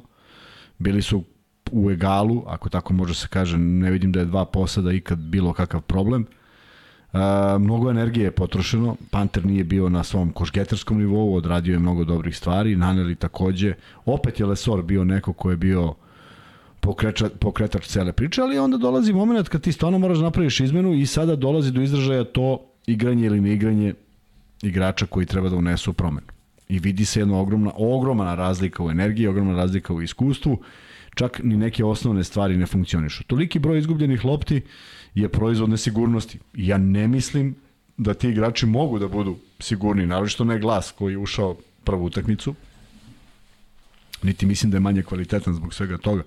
Prosto ne bi on mogao da bude u Partizanu da, da nije to što se od njega traži, ali na ovoj utakmici... Da, posebno što su ga zadržali drugu sezonu. Tako je, Znamo tako da, da, da su, nisu katovani igrači neko ne čuvaš. Dangubić je... Dakle, ne može on da ostane naravno... zato što se nekom samo dopada, nego da radi nešto, ali kad dođe takav moment da, da, da, da je pritisak, a pritom veći je pritisak što je rezultat izjednačen. Da je 20 razlike, možda bi on igrao drugačije. Ovako je, ovako je nada da možeš da odigraš još dovoljno kvalitetno pa da napraviš neko veliko iznenađenje.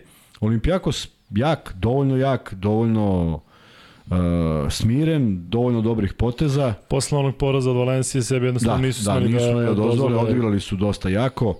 Larenzakis igrač utakmice sa nekim neverovatnim stvarima da mi je neko pre godinu dve kad je, kad je dolazio u Pionir rekao da je to moguće, rekao bih da nije. Pritom je on i za Grčku kidao da, na prvenstvo. Da, da, jedna neverovatna energija i izuzetno precizan šut, lepote u toj igri nešto preterano nema, ali čovek radi sve što treba. Međutim, onda stihijska jedna košarka ovamo namo izgubljenih lopti koliko hoćeš na jednoj i drugoj strani, prednjačili igrače Partizana iz jedne potpuno logične stvari što je ta petorka bila opet nikad na parketu. Međutim, ono što si rekao za Madara, neko koji treba da donese sigurnost, to nije uradio, vrlo brzo se i vratio ovaj, na klupu, tako da ostaje, ostaje sad glupo zvuči, glupo zvuči, ali, na primjer, Partizan se mnogo potrošio i opet su utakmicu nosili oni isti koji nose generalno. Zvezda se potrošila, pa možda čak i malo manje, što je malo paradoksalno, a dobila ipak neka dva igrača. A, bez obzira na to, to su utehe koje ne služe ničemu, zato što se jedini rezultat računa, ali za neku perspektivu, za neke buduće igre, žao mi je a, kada, kada se potrošiš toliko, a rezultat ode nekontrolisano mnogo, jer Partizan po onome što je pružio 28, 29 minuta, nije zaslužio da, da se utakmica završi takvim rezultatom i niko nije sanjao da možda bude tolika razlika, ali prosto Panter i Papa Petru su postavili tih četiri poena. Sve ostalo, ima, ima serija, serija napada kada lopta prosto ne stiže do, do, do igrača do koje treba da stigne ili je neko uzeo šut, pa onda nije više ta isti nego drugi i tako se pet izređuju, to ne vodi ničemu.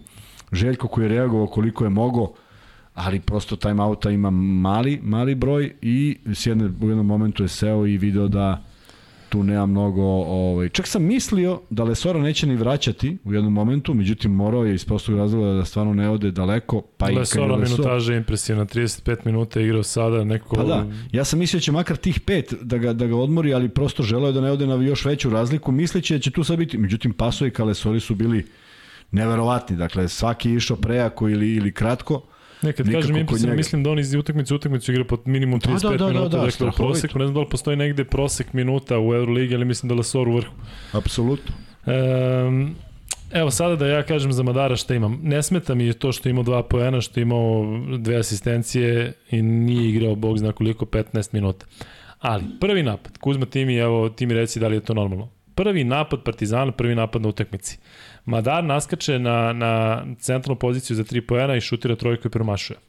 Dobro. Kenan daje koš u kontri 7 metara ispred tog Madara. Dakle, da. u trenutku kada je Madar šutnuo za 3 poena, on je bio najbliži igrač. Najbliži ideš odmah i ti vidiš da ide lopta. Taj koji šutira zna da li je pogodio ili nije prvi. nije bilo ono da je sada odmah rikošetirala iz prvog, prvog obruča nekome ruke pa ovaj baca touchdown pas, nego je prošlo nekoliko sekundi i Kenan je samo u kontri Madar 5 metara iza njega. Druga situacija, sredina posljednje četvrtine. Ja Madar na desni 45 stepeni, ima još vremena do kraja napada. Šutira preko ruke svog igrača i šutira preko ruke Panterovog igrača, a Panter sam u desnom korneru. Ne vidi. Jel ne vidi? Pa ne, ne, ne, pitam te, jel ne vidi? Pa zanim, nije, u suštini nije bitno da li ne vidi. Je ne zna se da li gore da ne vidi ili je sebičan. Imaš Pantera, ako ga ne vidiš, jebiš onda tebe kao playmakera. Jebi. A, pazi, ili ako ga vidi i ne da mu loptu, imaš dakle kapitena da. i igrača koji je bolji šuter od tebe i ti ga ne ispuštuješ, pa to je, to je tek onda problem. Jel mogu jednu digresiju samo za sekund da se vrati na zvezdu, iako će Ajde, taman ja malo da se iskulimo. Ne, izraće sad lavinu, znaš, kaže, čim kažu Partizan, o, o, ovaj Kuzmo se vrati na zvezdu. Jeste, pa, ne mori oni, evo ja ću da kažem. Moram zbog jedne bitne stvari. Ajde. Da li si video moment? Samo se setim. Ne, samo setim ko, koji je. Ma ti samo da vratiš na zvezdu, pa ne možeš da se setiš šta. Kaži. Polovreme, polovreme i prima zvezda koš. Dobro. Na 8 sekundi izbacuje Mahmutoglu. I lopta leti i ulazi na 6. Da, i niko ne dira loptu, da, da. I zvezdini igrači potonuli, niko ne otvara kontru. Da. 5 sekundi dok Holland nije nešto protrčao. Ne kontru, nego da barem Krizba je pa da neko nešto... Kraj prve četvrtine, ja mislim. Ej, mislim, kraj to je, polovremena. To je neverovatno. Znači, šta ste rezignirani sada? Šta sad? 5 sekundi, znaš šta je 5 sekundi?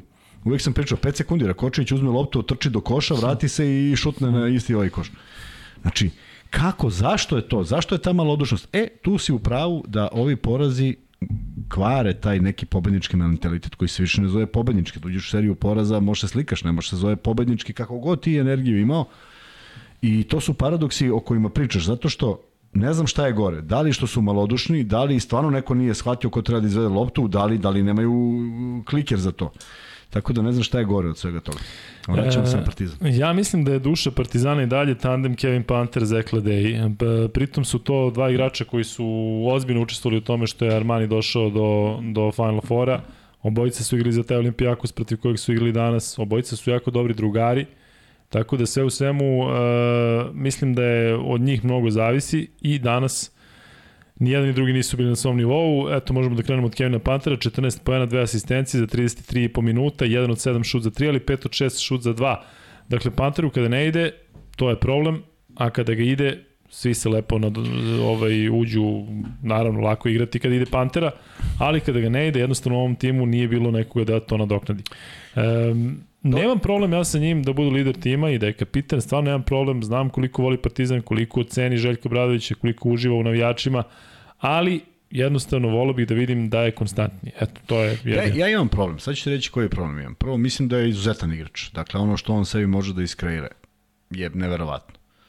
E, ono što me nervira kod njega je što to ne koristi na najbolji mogući način. Dakle, ja sam ubeđen Prosto sam ubeđen da sa njegovim fizičkim predispozicijama on svaki put može da se dovoljno oslobodi da to bude šut, da ne bude šut preko igrača. Znači ima velika razlika. On daje šuteve preko igrača i na poslednjoj utakmici koju je Partizan igrao, on je dao 7 od 9 trojke, ali tako bilo? Ili šuteva. Šta kad stane?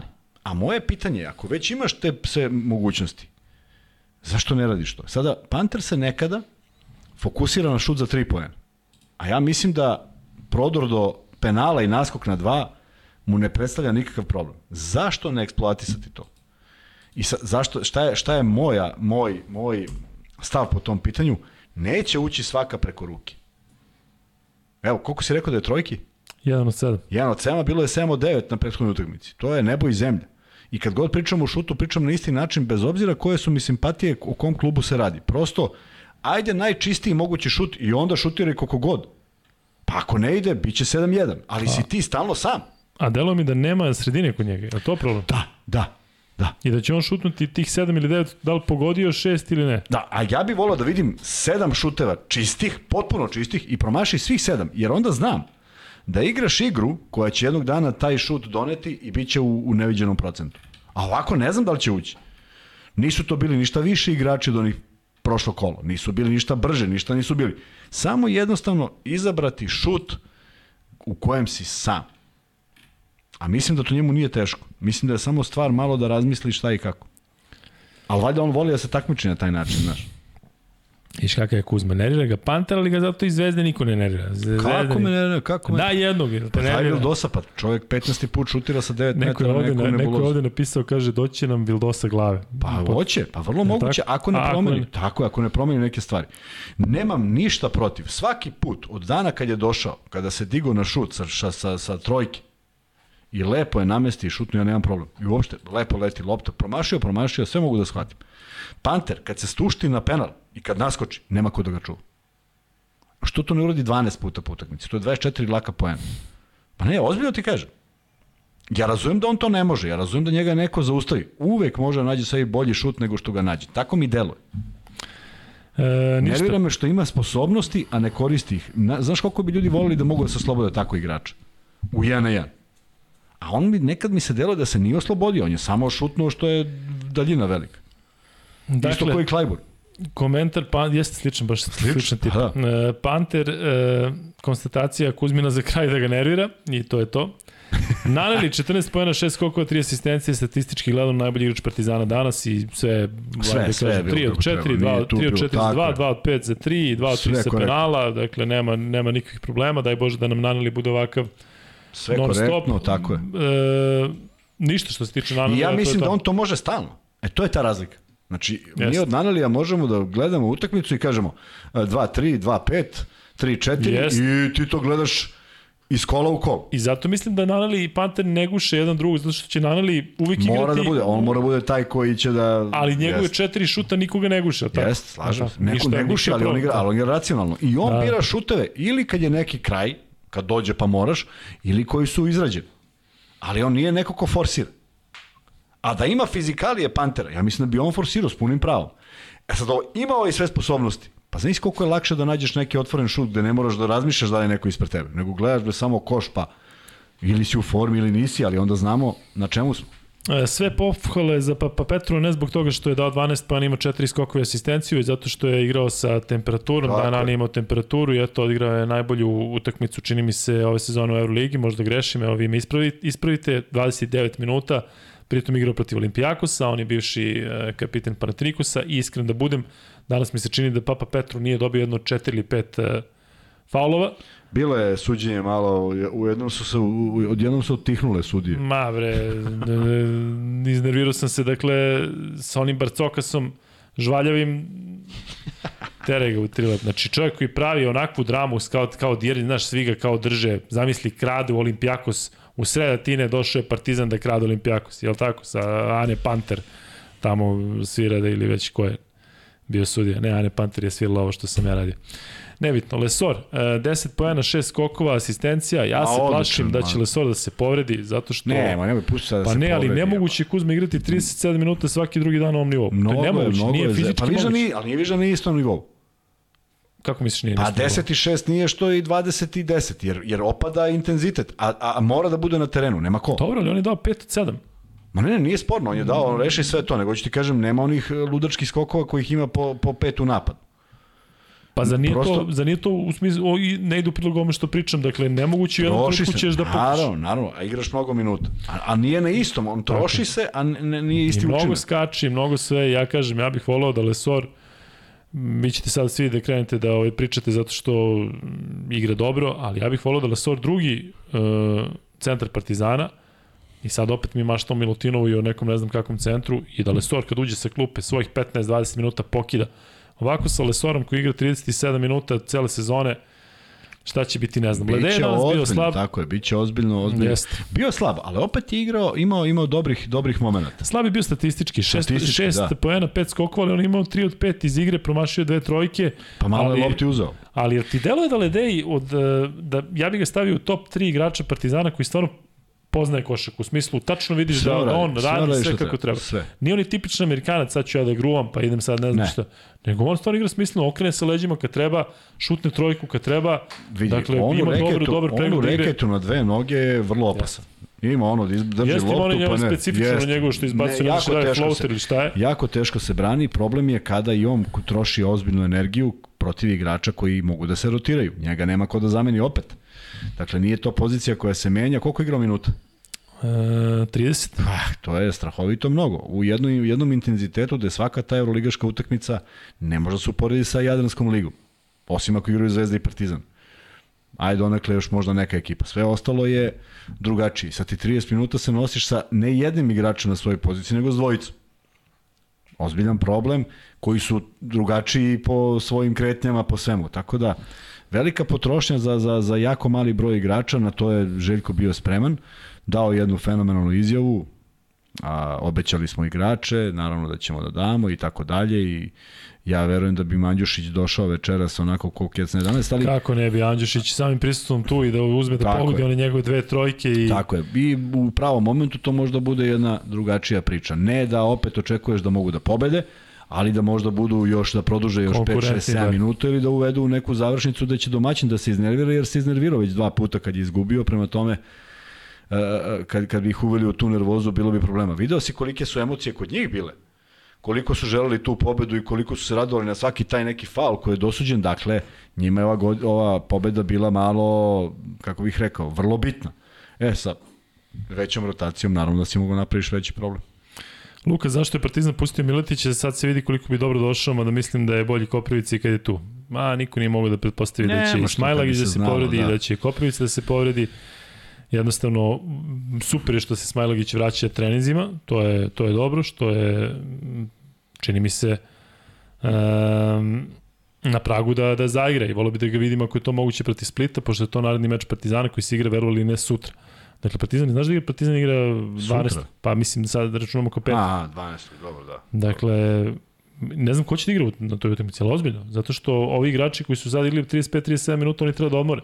Dakle, možeš igrati neće Đorđije... Odmarati. Ma neće, neće, odmah, neće odmarati, igraće i Samo da ne bude više povreda, zato što ovo sve ide ka da drže intenzitetom i da budu ono na pet razlike, samo da se završi. I sreće da je Split. Sreće da je Split, ne, ne pocenjujem ekipu, sreće da je u Beogradu, zato što to, eto, možda bi moglo da se iskontroliše. tako je.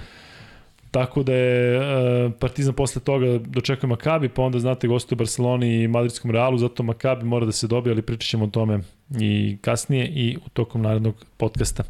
E, Madar, slabo, kažem, meni, meni više, ja nemam problem sa njegovom energijom i on će sigurno u nastavku sezone, ako dobije šansu, imati neke partije koje su ludačke, kada veže tri trojke, ali, kao što sam rekao i ranije, nemam poverenja kada je lopta kod njega, ne treba očekivati od Aleksa Avramovića mnogo, ako ste uopšte slušali Nenada Trunića koji je ovdje govorio o težini te povrede, koliko je to u stvari komplikovano, on će se vratiti u decembru ili već kada, kakav će se vratiti, kako će to izgledati, ja zaista ne znam.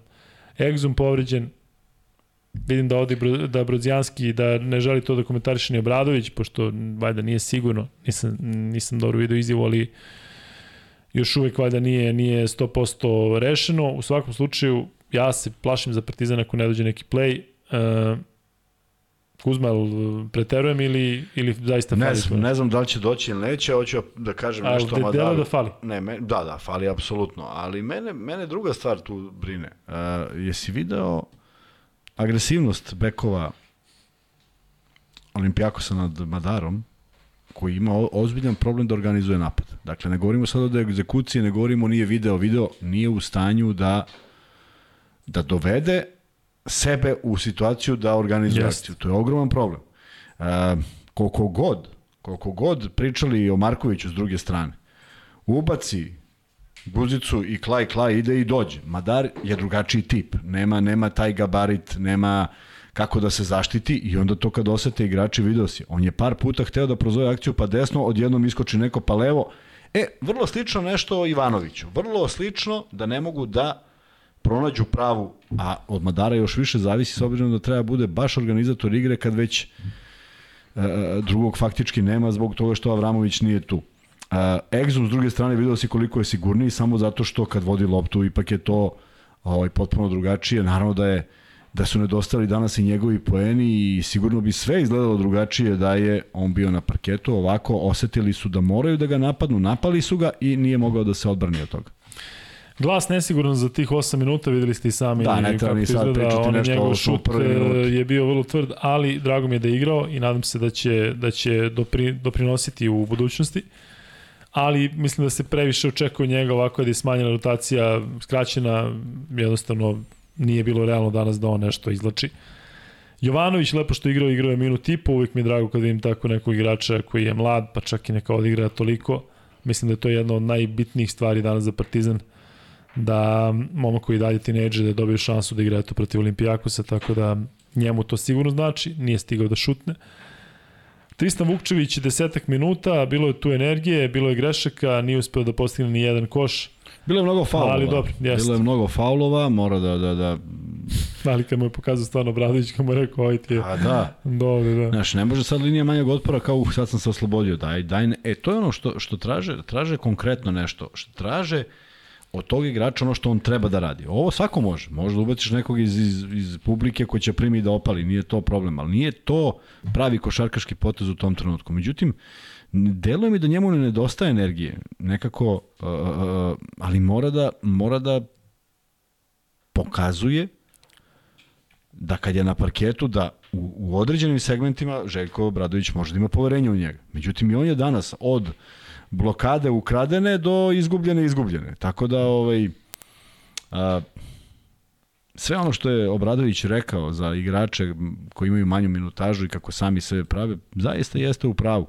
Naravno da se nekad poklopi da ti se ništa ne otvori, da ništa ne možeš i da, da jedna ekipa odigra, a Olimpijako se do kraja utakmice igrao kao da su želi da to bude što veća pobeda. Naravno da nije lako kada, kada nemaš ni saigrača koji mogu da te odmene. U jednom trenutku je bila petorka koja verovatno ni na treningu Partizana ne igrala zajedno, a kada je Vukčević došao na peticu, tu je nastao apsolutno kolaps, jer to su kretnje koje ne verujem da rade, osim verovatno pred ovu utakmicu, pošto je stice okolnosti tako naloži. Da, da, nema šta više da se kaže o tom uh, porazu Partizana protiv Olimpijakosa, jednostavno 58 poena, kažem 4 u poslednjoj četvrtini, dakle Partizan mislim da ne može gore od ovog što se tiče broja poena i da ne može, nadam se da ne može da bude gore situacija što se tiče povreda, tako da je to sigurno uvezano sa ovom slabom partijom danas. Ali da pa Petrova nismo rekli samo. Uh, pa da, rekli smo da je dao 12 poena, 4 skoka, da, da je Da, ali samo da dodam, prvo uh, ne bi on propustio utakmicu protiv Olimpijakosa To je jedan, jedna stvar. Drugo, svaki igrač koji ode na taj način i preseli se u neko drugo mesto, želi da se vrati i da se na onaj pozitivan način obračuna. Žao mi je što ga šut ne služi, imao je veliku energiju i možda odigrao jednu od najboljih partija u suštini, ali a, činjenica da je bio po temperaturom i sve to što ga je pratilo, dobro je što se utakmica završila bez nekog, pa, pali su par puta njih dvojica u jednom napadu, tako da i to je izgledalo onako prilično loše, ali najvažnije da sad s, kojom, s, kojim, s, kojih, s kojim igračima na koje igrače možda računa Obradović koliko sutra ovaj, na utakmici. Opominjamo ovde, izvini, da Partizan igra sa Splitom 20. A, znači promenjeno. Da, za, nije promenjeno ništa, nego sam ja uh, pročitao... A, reprezentacije, da, pa da. Ja sam uh, video da igramo sa Makabim i da odmah dva dana posle toga igramo sa Splitom, pa onda imamo dva dana do Barcelona i dva dana do Reala. Tako da je moja greška, samo sam mislio da je za dva dana od ove utakmice sreće, pa nije. Hvala što ste me ispratili. Hm? Ne, 18. je Partizan Makabi.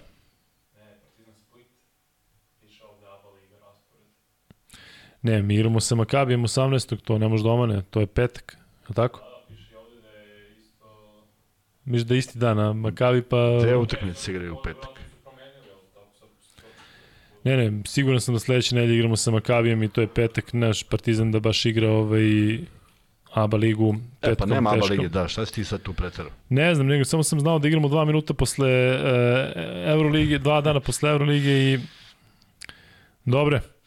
E, Kuzma, ajde prokomentariši U stvari, ajde prvo da prođemo malo mečeve danas. Real Anadolu Efes 94-85, Efes se raspada. Dakle, Efes je u ja stanju... Ja mislim da oni prave ovaj, uh, strategiju za nastavak sezone. A voliš da... da, o, da zazaš, ali drago. stvarno mi deluje da Armani, Armani, pazi šta ti kažem, evo sad tvrdim. Da ste spremni?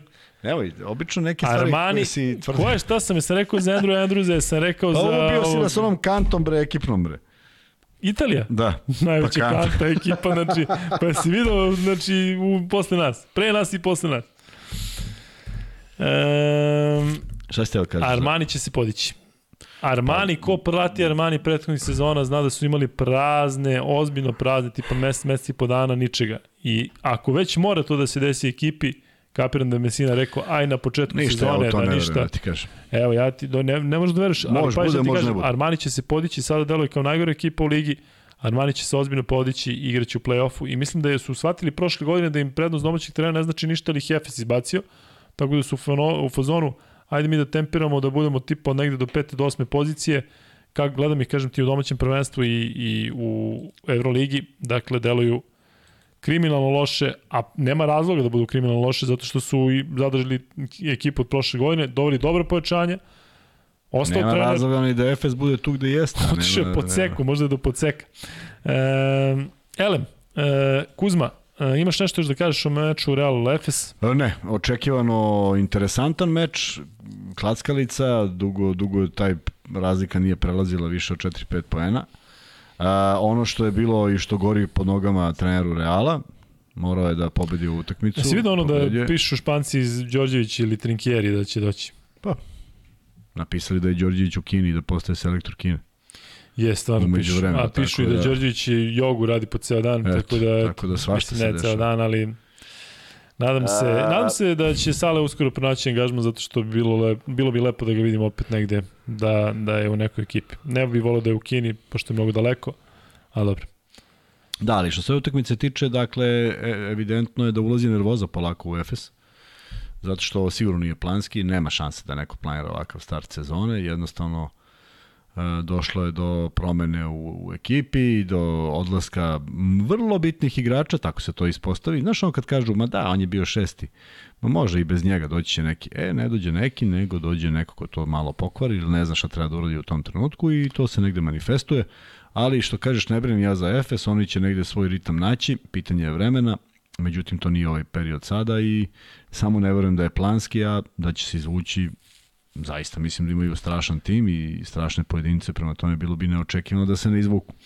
Luka, šta očekuješ protiv Makabija, kakvi su bili danas? Danas su bili loši, e, drugo polovreme jako slabo protiv Barcelone, Barcelona je ovaj, odigla jedan dobar meč, Jeskevičius si bio nezadovoljan odbranom je kako igraju brane 1 na 1, ali ovaj, onda su odbranili sve što treba sve. u nastavku, tako da očekivan triumf Barcelone, očekujem da Makabi e, nastavi da pada, zato što im je ovo drugo vezani poraz, ali nije drugi običan vezani poraz, pošto on je prvi bio protiv Baskoni kada su primili 116 poena, tako da zaista očekujem da Partizan dobije taj meč u petak.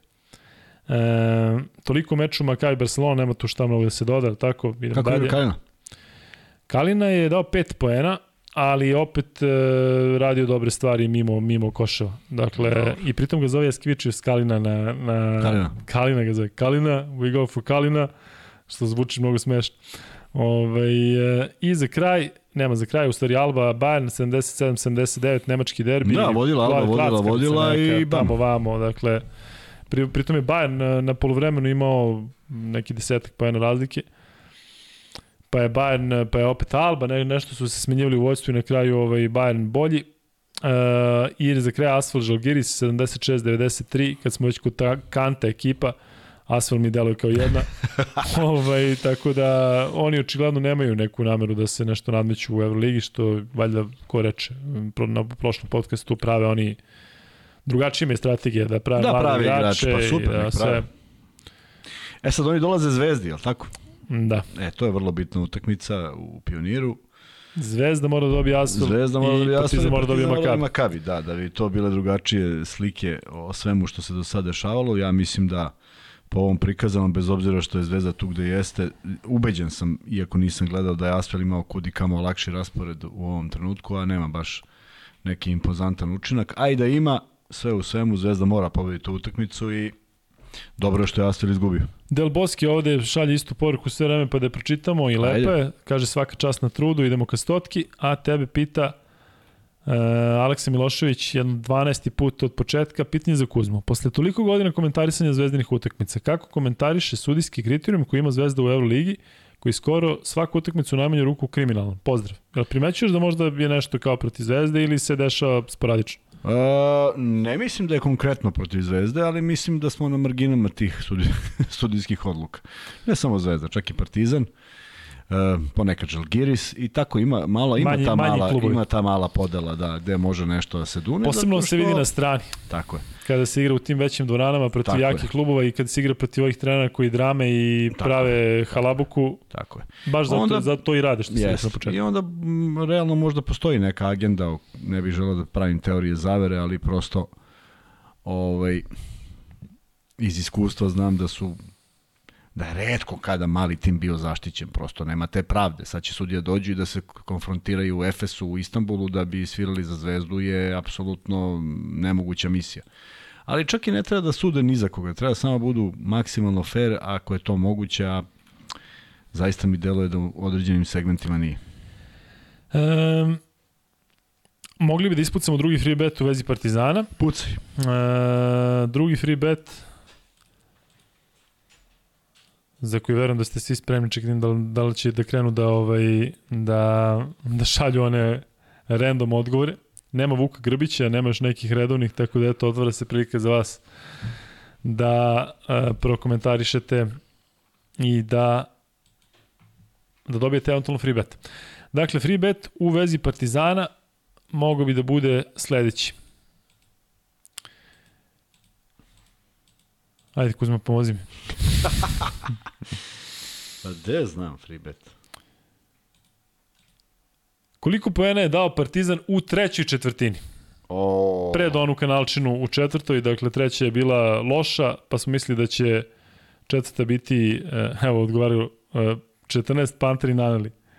Pojena Partizan u posljednjoj četvrtini. Jovanović, Uroš Perić 9, 4.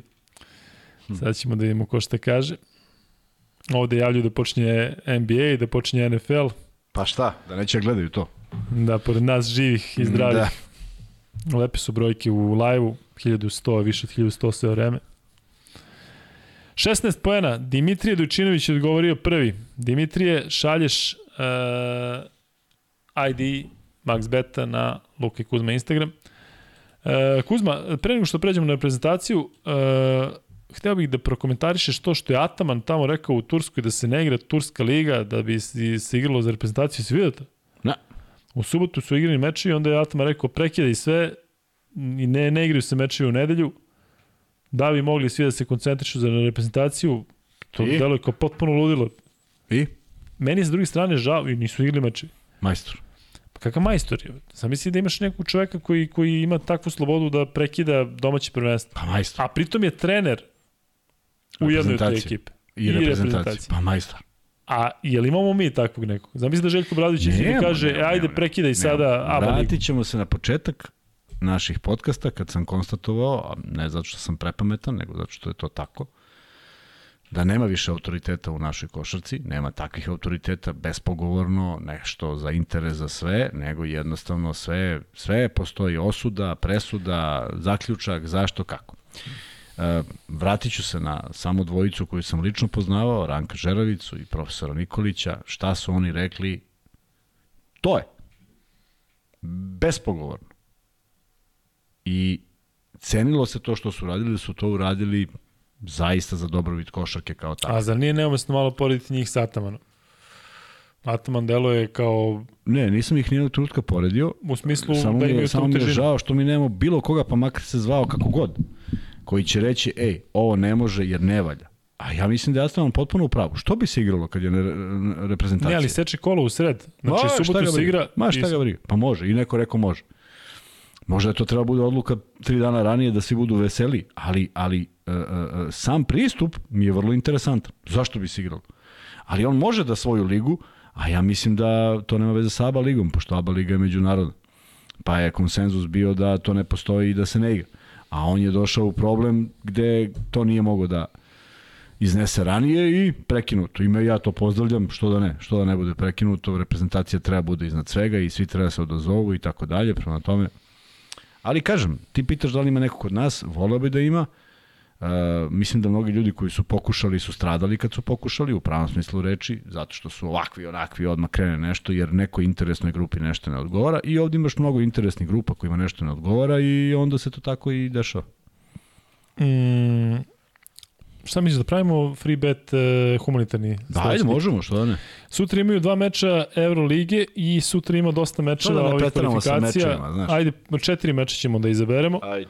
Uh, ali hajde naravno da krenemo od meča Srbija Velika Britanija, odnosno Velika Britanija Srbija, meč koji se igra 20 časova.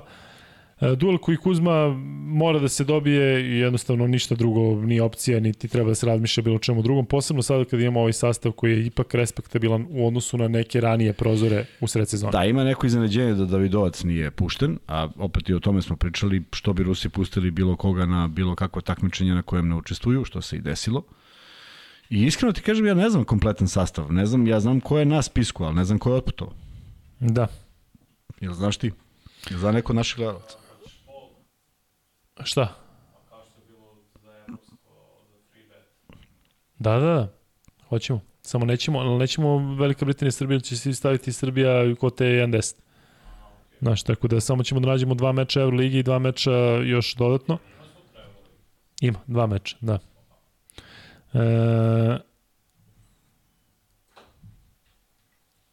E, ja samo da kažem... Da se ne da vratimo da samo ovde, ima pitanja za Partizan, pa ćemo vidjeti možda na kraju. E, Kuzma kaže šta ima i da treba neki onaj fantazi da se čita. Ne, ne, ne treba sad danas. Da iskoristim samo da kažem da smo došli do 9204 pretplatnika, dakle 796 u narednih 11 dana. Tako je, Kuzma ne veruje da ćemo mi za naš uh, rođendanski stoti podcast doći do 10.000 Jeste. pratilaca, ajde da ga demontujemo, a Kuzma sada traži ovde da ti tražiš od ljudi da lajkuju, pa ću posle ja da tražim da lajkuju, pa ćemo da vidimo ko je bolji. Ja tražim i da, da ljudi lajkuju zato što ih ima već veliki broj, zato što su stalno s nama, zato što ovaj, mislim da mogu da nam pomognu da ne ponavljam zbog čega i Reci ono, to je 3-4 sad da odjednom ovde krene erupcija. Da ima, da li kreće erupcija? 3-4 sad. I, I ovog daš mu ga ovaj. Ne, ne diraj mi zvono. A vi kako si ga sakrio tu da, pa da ode sam ga, da, iz, izvane mrame? Ti da imaš loptu, ja ne diram loptu. Ne mogu ovde kroz ovo mogu da prođem. I da kažem da imamo 1.970.019 pregleda, na što smo takođe veoma ponosni. Jeste, sutra ćemo da pređemo sigurno 2 miliona. E, kad budemo to ćemo neki stići, shorts, ali neki ludi. da li ćemo stići, Ovo ja bih voleo, Luka me ubeđuje da hoćemo, ja mislim da nećemo. 10.000 za naš rođendan 21. na 22. Dakle, 10.000 pratilaca, zovite sve koji znate da demontujemo Kuzmu. Kuzma kaže nema šanse. 796 da može. fali još.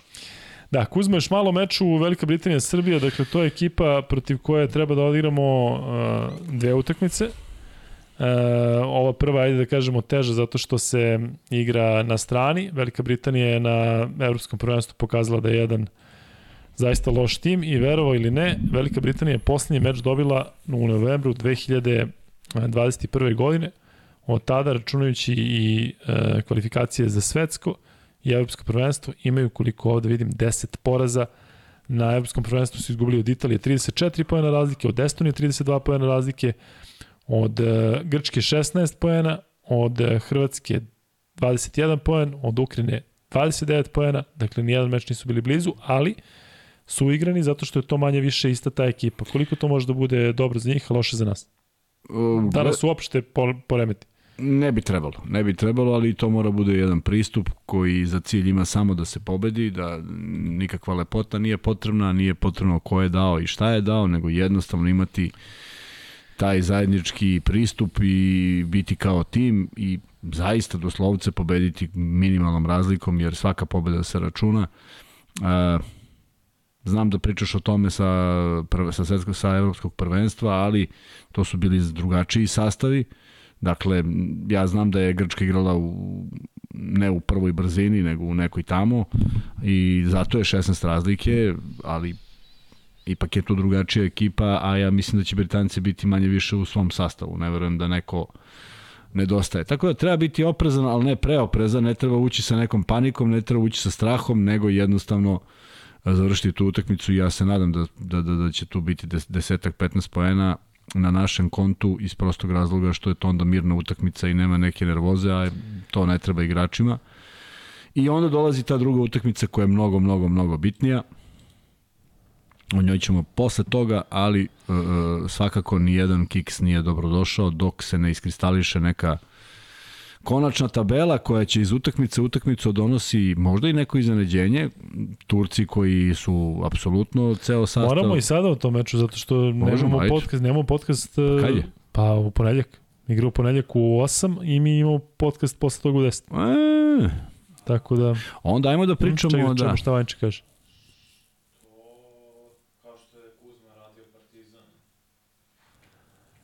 Zato što ću sigurno ja prenositi neki meč u to vreme Ima ili mnogo meča, sigurno će da. raditi. Ja, ko zna kakav je naš raspored. Da, da. Ako ne budem ja radio u ponedljak nekim od ovih mečeva kvalifikacija, eto, očekujte da možda komentarišemo zajedno i da počnemo čak možda i u 8, ali o tom potom no, obavestit ćemo, da. obavestit ćemo vas usput. Kuzma, uh, Turska je mnogo zbiljnija ekipa. Jest, jest. Ali... I da li misliš da je ovde jako potrebno da odziv navijača bude kako treba? U smislu da budu igri reprezentacija igra i pričali smo o tome da su da su ovi prozori ako su nešto doneli to je ta posjećenost. Si igrao u Beogradu? Da, da. Pa da je drugdje. Pa otkud znam. Nekad su bile neke druge egzibicije. U svakom slučaju bilo bi lepo da, da vidim, tu bude me bacio u bilo bi lepo da bude što više ljudi, da se da podrška zato što sad u ovom trenutku zaista jeste potrebna. Uh, Mada mnogo je košarke i ovo je moment u sezoni kada, kada ima toliko utakmica i svega i ne treba to poistovetiti, ipak je ovo poseban moment, a poseban je zato što svaki kiks nas baca u, u dalje od svetskog prvenstva. E sad, ono što je dobro, što će makar od sutra uh, Srbija znati nekoliko stvari. Prvo igraju Turska, Letonija, ali tako? Uh, što znači da igraju Grčka i Belgija. Da, da. Sam ja dobro povatao. E, sad ću da proverim, ali trebalo bi da je tako. Zvuči mi da je, da je prava stvar. Da, e sad, tu treba navijeti malo za Grčku, malo za Tursku, da oni savladaju ove protivnike. Sutra Turska, Belgija. Turska, Belgija. Da. Turska, Belgija. Da. E, bit će interesantno. Grčka, Letonija i Grčka, Letonija. Grčka, Letonija, Grč, Grčka, To će biti interesantno, zato što je Letonija manje više kompletna, Grčka svakako neće biti. E, e odlično, Turska, Belgija. Pobednik, pobednik ostaje u igri. Ako Turska izgubi, ja mislim da više nisu ni u igri. Pa za koga onda navijam? Sutra, u za Tursku, Turska, Belgija. Za Tursku, jer Belgija ne sme pobeđuje. Mi moramo Ali Tursku, Tursku. Turska je onda završila, Turska nam više nije nikakva pretnja ako izgube sutra. Ali ne možete igrati Belgiju svakom pobedom Belgije, a igraće Belgija-Turska ponovo. Znači, ako, je, ako Turska izgubi kod kuće, šansa pobedi u Belgiji, ok, postoje. Da, znači vraćamo se na ono da navijamo protiv Belgijanaca. Da, navijamo protiv Belgijanaca, jer sa Turcima još možemo da igramo. A Grčka, Let, Letonija? Tu navijamo za Letoniju. Letonija da ode na, na, na maksimum i da napravi što veći karambol ovde, jer... Ovaj, da, Letonci imaju 5-1. Da. Pritom Letonci koji nisu igrali Evropsko prvenstvo. Da, nevjerovatno. Tako da ovaj, bit će interesantno i niko tu nije siguran, ma koliko mi to posmatramo kroz domaćinske utakmice, pa kao igraju Grčka, Letonija. Izvini Kuzma, stavi Vanja Pol, Grčka, Letonija, uh, pobeda čiju očekujete i to je dakle prvi par na našem humanitarnom free bet tiketu, a u, kada, ako dobijemo, onda ćemo da se dogovorimo svi zajedno u koju humanitarnu akciju ćemo da uh, šaljemo, odnosno guramo te pare. Dakle, Kuzma, Grčka, Letonija, šta kažeš? Uh, biće neizasno. Ja sad da iz ovog uh, iz ovog studija kažem koja nisam gledao ko igra, ne mogu da ti kažem, ali znam da je Leton jedna opasna reprezentacija koja nije učestvovala na evropskom prvenstvu i mislim da će im veliki izazov biti da igra protiv Grčke, da vide gde su. Ne zašto im treba, mada ima još mnogo utakmica, nije baš da im ne treba, doduše oni isto igraju nešto s Britancima sigurno. Verujem da i oni igraju da. nekoliko utakmica sa Britancima, tako da ovaj, mislim da će ovdje biti pravo odmeravanje snaga i da će želiti da im pokažu ko su i šta su i da Grčku očekuje težak posao. Ukoliko Letonija triumfuje, pravi se pravi haos u, u grupi, a kažem, navijamo za Tursku da makar sutra savlada Belgiju, da mi pobedimo Tursku u narednom meču i onda vrlo onda je malo čistija slika zašto mi imamo dve pobede na Turskom u tom slučaju? I navijamo da u Belgiji Turska pobedi Mada će polako ako ako ovaj ako mi se mi budemo ako mi budemo pobedili Tursku onda će oni biti u problemu da u bilo koga stignu pa čak nas ili Belgijanci. Tako da dosta interesantno sve to i matematički do poslednjeg utakmice može da se ne zna. Malo nezahvalno da komentarišemo zato što stvarno ne znamo sastave, zato što da. ne znamo ko je koga pustio, pa, pa Petru komentariše da je odluka Partizana da se ne igra za reprezentaciju, da oni ne igraju za reprezentaciju. Verujem da Madar sigurno neće igrati sutra protiv Slovenije zato što Izrael igra u 13 časova taj meč je prvi, znam da ga prenosim, uh, a mi ćemo za pul da stavimo ipak ova dva meča iz naše grupe, dakle Grčka Letonija je prvi, Biće mi interesantno da vidim uh, za koga ćete vi glasati, ali uh, šta sam hteo da te pitam još nešto Kuzma u vezi ovih uh, reprezentacija sad i meni pobeglo. U svakom slučaju sačekat ćemo da bude bar preko 100 glasova u anketi i onda dakle da imamo prvi par za za sutra. E, da, imam pitanje za tebe, ali da odgovoriš se da ili ne. Ne. Misliš nećeš da odgovoriš uopšte ili? Znaš ima jedan strahovit uh, quiz Monty Python da, u svoje ono, vreme. Ovaj... Priča si mi, oni Ima fenomenalna Komunistička fora. partija Mongolije. Pa da, ali ima fenomenalna fora. Kaže, sedmo pitanje, Michael Pellin ispituje. Sedmo pitanje, da li su naši takmičari spremni? Ovaj, Graham Chapman, Sav, Sav Treperi, Eric Idle je drugi. I ovaj viče, da, ovaj pogleda, ovaj kaže da, žao mi je, tačan odgovor je ne. Idemo na osmo pitanje. Tako da, ovaj, preduhitrio sam odgovor, ali reci šta ste me pitaš. Ali mora se dajne. Dakle, sutra Grčka igra protiv Letonije od 18 časova.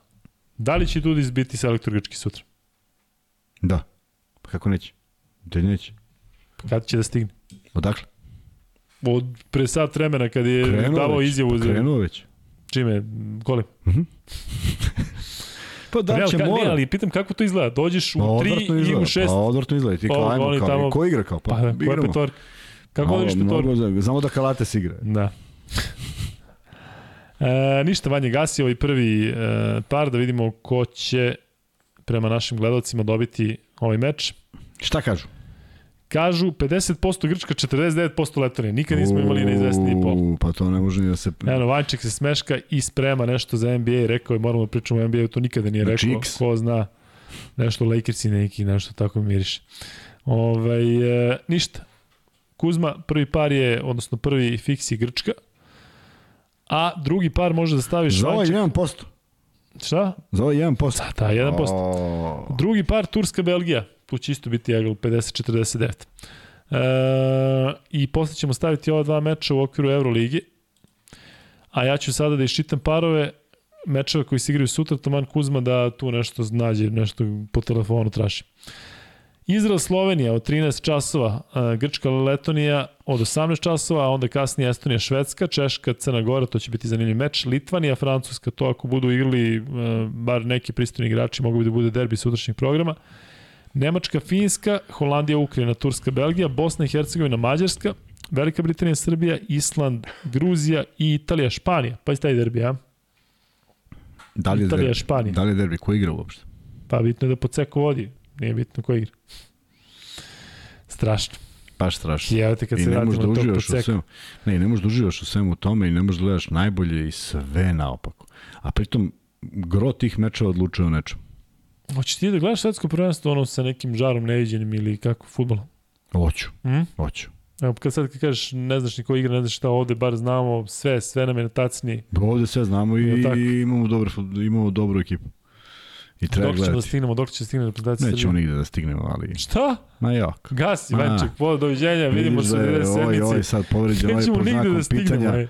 Vidjet ćemo kako će to izgleda. I ne volim dajem prognoze. Partizan izgubi Zvezda izgubi. Slušaj, kad sam preživao, e, kad sam preživao u 90. godinu, prvenstvo. tad si bio mlad i još nisi se rodio uopšte, jesi? Da se rodio 90. Pa rodio jes, imao si 8 godina. Stigle Kad? danas, samo ti kažem. Ej bre, Ivković hvata loptu Maradoni živu. To Znam, niko nije odbranio penal. Gledao sam u Babilja. Evo te čoveč. Da mi to izgubimo, pa dan danas mi nije jasno. Stigao nam je danas mail uh, od organizatorke sa sport kluba da ko hoće da se prijavi da napiše uh, tekst u vezi nekog uh, svetskog prvenstva, a napis je uh, Mundijal mog detinjstva. Ja ću pisati o tom, ali iz ugla koje reprezentacije iz 90-ih? Ne iz Srbije, zašto ću Kamerun. Kamerun, pa naravno. Pogodio sam. Yes. Rože Mila i onaj ples. Ja ću da napišem i 75. evropsko prvenstvo. Ne, Rože Mila, ja mislim, pa da se 94. Ali znam, znaš, zašto, Prvo ću Argentinu 74. Ne, šta je bilo 74. Argentina? Ti si Kuzma Mator, ti točak pa, pa ću pa 60 i... šta je? Pa ne ozbiljno, pazi, priši 70, 70 će da piše. Koliko si mogu godina 70? 75. je bilo evropsko prvenstvo i ostao je slogan... 4, 4. I ostao je slogan ko bude bolji, pobedu nek slavi, uvek smo sa vama plavi napred plavi. Znaš ono kad su Nele i ovi, e pitali su nas ovde, ja volim Srbiju kad će da bude, pa jesam ja tamo kao se raspitao, kažu tek negde u januar. U januar? Da, da bi trebalo tada da bude ovaj naš Valjda mora do kraja januara, mislim da smo mi tamo pri kraju. Pi. Ja znaš kad su Neli ono napravili ono dva. Upitnička i pobednička. Da. da. Ovaj, e, pa, znaš kad nije startovalo, znaš kad ovo nije startovalo, kad, je, kad smo pričali o tome kako ćemo pozdraviti o, košarkašice. Koga beš? Košarkašice? Kozma se izgubio. Košarkašice? Pa što su snimali to uopšte? Ko je? Pa sećaš da je počela emisija tako što pozdravljaju, pozdravljaju košarkašice? Nemoj da pričaš, nisu košarkašice, nego odbojkašice, ne znamo da pričamo, jer smo pisali ugovore čoveče, je, ima u apsu. Ne, ali čemu je služilo? Pa neće da vi prikažu emisiju posle zbog tebe. Pa ne, ali čemu je služilo? Tek i u januaru. Pa ne znalo se da će igrati u finalu. Pa da se pa? kaže samo pozdravljamo uspeh naših odbojkašica, zato što je medalja srebrna ili bronzani uspeh. Znamo, tri ili... meseca će prođe. Pa dobro, i dalje će da bude u Pa mogu da, dobro. A mi umeđu vremenu osvojimo sve prvenstvo futbol. Mogu da kažu i pozdravljamo, da. ne znam, nešto pre godinu e, dana. Kako nas ovaj čovjek baca u kalan, sad ovo gledaju tamo ovi, a posle će bude op, i onda će bude kao pa niste ni bili. E, ništa manje gas i ovo, Vembanjama igra za Francuze, kaže, ši, kaže Schiller, to bi bilo ekstra. I logično je, pošto je u Metropolitanu Turska 69%, drugi fiks Kuzma, znači Grčka i Turska. Pamtiš, znači Šta Grčka i Turska? Sukobljeni narodi. Prvi fiks je Grčka, drugi fiks je Turska protiv Belgije. O, ode A, Grčka i Turska fiks, dobro. Da. E, e sada, da se vratimo još malo na Euroligu i da onda... Šta ima više Euroligi, čoveč? Pa ne imamo dva fiksa Euroligi. A, da. Jesu šta ima više Euroligi. Dobro Valencija. si je rekao. Valencija. Ali igraju Panathinaikos Baskonija. U... Stavi taj pol Vanja, samo stavi Pao Baskonija Sad je ba, Pao Bas stavi. A pazi, Baskonija koja daje 100 miliona pojena i Radonjić koji se muči sa ekipom i Znaš ono kladiončarski, hoće to da bude plus ili minus? Idemo plus poen. Ja znam, šta mi misliš, ako Radonjić izgubi taj meč, Znaš, već su krenule priče kao, pa Ratiniku stavamo izgubi, Radonjić dobije otkaz ovde ovo i onda se Radonjić kao vrati. Vidi, jedino što ja, ja stvarno ovaj ne vidim, ne vidim kako da se izvuku iz svega toga, a opet ne vidim ni Baskoniju koja uspe da da 116, prvo jedno 61 poena, tako? a onda 116. Protiv Asvela, pa koji su da stvarno mentolci. ne znam, stvarno ne znam šta da očekujem. Klasični mentolci. Ali ja neku blago prednost, nažalost, dajem Baskoni. Nažalost? Pa nažalost, zato što mi je krivo da Deo prođe kao tako boss i da pada. Hoćete raditi danas NBA ili ne? Hoćemo, radit ćemo, Vanja je spremio nešto, a pritom... Uh, kad kući, kad Kuzma ode kući. a pritom je ovaj... U toku NBA, dakle evo dok e, traje ovaj pol da kažem da Washington igra protiv Dallasa 58-61, da ima koliko je dao Kuzma? Kuzma nešto slabo igra u posljednje. Kuzma se slika ovde, sad izlazi njegove slike. Um, viš na šta liči Kukuleo. Ko, Kyle Kuzma? Ti ga pratiš na nekim društvenim mrežama. Stvarno je. Kuzma 16 poena, 6 skokova za poluvreme. Dončić na poluvremenu 7 poena, 4 skoka, 3 asistencije i on u jednom trenutku mora da stane, ne može da drži baš 36 poena u proseku. Igra Atlanta, Philadelphia 33-29, Miami Charlotte 38-32 i New Orleans Pelicans, Portland Trail Blazers 14-12. 14. I e, sada će Vanja da se vrati, pa će da onda zatvori ovaj pol. Vanja? Da u ruke Vančik, rekao da bešte više sa Valencijom i sve. Kuzma, Valencija, Monako. Valencija, Monako, Valencija na krilima pobede protiv koga beš? Olimpijakos. Da, Monako na krilima pobede na krilima protiv koga beš? pobeda. Pa zvezda. Gde se igra? U Valenciji. Uh, ozbiljan, zatvorio. ozbiljan izazov, ozbiljan, jako je teško reći, zaista, ali mislim da Valencija prosto mora nadoknadi ono što je bilo protiv Baskonije, onaj poraz kod kuće malo su malo bolje igraju, ne malo bolje, nego pobediti Olimpijakos, a opet pobedio ih i Monako u gostima, znaš, malo je to sad čudno, ali ajde da damo prednost domaćinu. 76% Baskonija, tvom cimeru više niko ne veruje. To, znaš. to nije u redu uopšte. E, kakav je bio cimer u radnju, a? Dobri, dobri, super. Jel on onako duhovit, pričljiv? Jeste. Jeste, a? Nije pričljiv, ima dobri fora ali malo pričao kad kaže ono baš mm. provali nešto. Mm. Vanček stavi ovaj poslednji e, fiks pa da bežimo lagano posle NBA kuće, Valencija, Monako. E, to će biti interesantno da vidim šta kažete, ali to meni delo ovako kao da će biti dosta poena. A? Pa reci. Pa ne, ne znam, ne znam. Pa Valencija igra brzo, Monako ima James. Ma hoće, da, hoće, bit će mnogo poena. Ili ima opcija mnogo tamo? E, Howard sutra uručuje otkaz radanje, vidjet ćemo. Ništa, Vanček stavlja mikrofon pa da lagano krenemo u NBA-u. E, delo mi kao da imaš nešto o čemu hoćeš da pričamo. Vanček upravo stavlja mikrofon i uskoro ćete čuti taj... I, i začuđeno te gleda, mlađeni, mlađeni glas.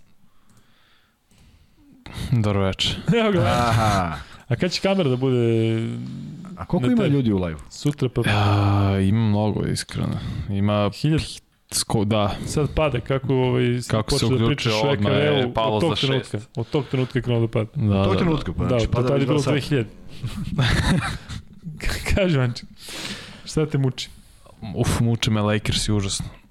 Kao? Užasno me muče kao fana, ono je baš muka gledati. Jeste. Ne znam šta ti misliš iskreno, ali sam skapirao par stvari da prvo Anthony Davis mora se traduje, to je jedna od većih prevara od igrača u poslednjih par godina. A da ga traduju Partizan, da damo Lesora, Ne znam gde će da ga traduju i da nit me zanima, samo da dobiju nešto, neki draft kapital, mlade igrače, A, znači, bilo pre, šta. Pre bi tradovao njega nego Westbrooka? Obojicu bi tradovao, ali prvo mora Anthony Davis da ide. Ja se izvinjam, ali Anthony Davis od kada je došao iz New Orleans, sem one prve godine, igra ta, toliko slabije, baš sam sad gledao. Da, kad je uzeo titulu, delo da si odradio posao. Ja sam to rekao, Lakers su jedini, jedin razlog što su oni uzeli titulu što je bilo odmor od pet meseci skoro. Četiri nešto meseca do izbog COVID. A dobro, ona Kobijevska godina, rekao, mislim, ne, ne, ne... Da nije bilo COVID-a, oni ne bi uzeli titulu, jer su ovi imali vremena i LeBron i Davis da se oporave kompletno, tih četiri meseca. To je strašno. Znači čovjek ima što igra manje utakmice prošle godine, on igra 40, pre toga 36. Video sam ove četiri godine kad je u LA-u ima 65 double-double, dve godine poslednje u ovom New Orleansu ima 87. Mislim, to je ne, nerealne stvari koliko on loše igra. A znaš šta mi dalo da je kod Mislim, njega... ne igra loše, nego i ne igra na nivou koji se očekivalo, da očekivalo da on bude top 5 igrač. Ti evo da kažeš dve, pa i dalje, to, to je nerealno. 2019. Ali... što prekaj kažeš ko, i koga bi birao Jokić ili Davisa, svi bi izabrali Davisa.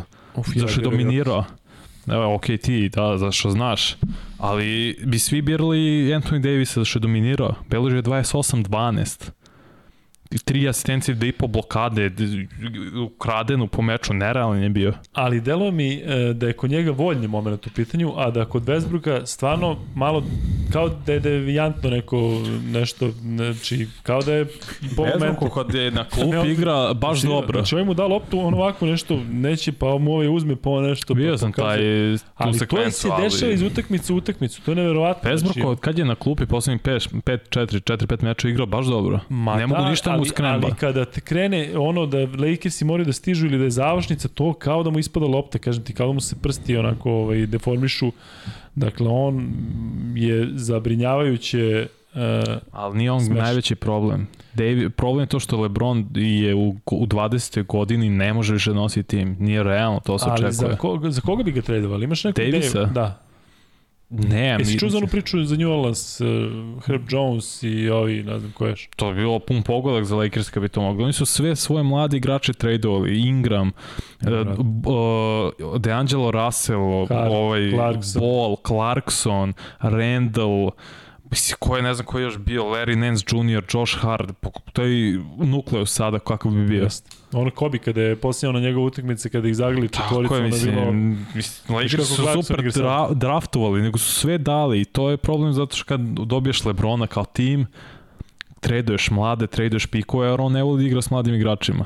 Ali problem što se očekivalo od Davisa koji je doveden da nasledi Lebrona, da on bude najbolji igrač I ne bi ovo imao problem sada da Davis beleži 28, 9 i 13. Da. Sad beleži 23, 10, što je za mnoge super, ali nije za njega dobro. Jer to nikakav nema uh, uticaj na meč. Sinoć su i sva trojica igrali baš dobro. Mislim, baš, igrali su dobro. LeBron izašao na kraju s povredom i sve, ali nikakav uticaj na meč, jer ostatak ekipe je grozan. Ono je da, grozna ekipa. nije donao šta, šta smo mislili da će donati. Beverly je jedna od najvećih prevara na svetu. Fanček pun energije. Nevratno, prošle nedelje Kuzma, prikaži Kuzma, samo ga prikaži. ne, Nećemo da ovo budem, sam se morao da izbacim iz sebe. Ali Kuzma koji je, dok su bili Ilija i Marko tu, dene, dene, četiri sata, a sad znači sklopio ruke i misli se šta me snađe ovo u životu, da slušam u Beverly. Razmišljam šta još nisam rekao. Da, ovaj... Um, Neverovatno, neko piše Davis za Duranta, ne bi u životu dao Duranta za Davis. Pa dobro, Davis plus pare, plus pikovi, plus tri na karte, ali... Ne, ma ne, pa Mora nešto da se desi, mora do nekog trejda dođe. Ja ti kažem, Kairi sad u ovom stanju... Kairi će igrati. Ovaj, ma igraće, ali u smislu vidiš šta se dešava, dakle s Brooklynom je problem.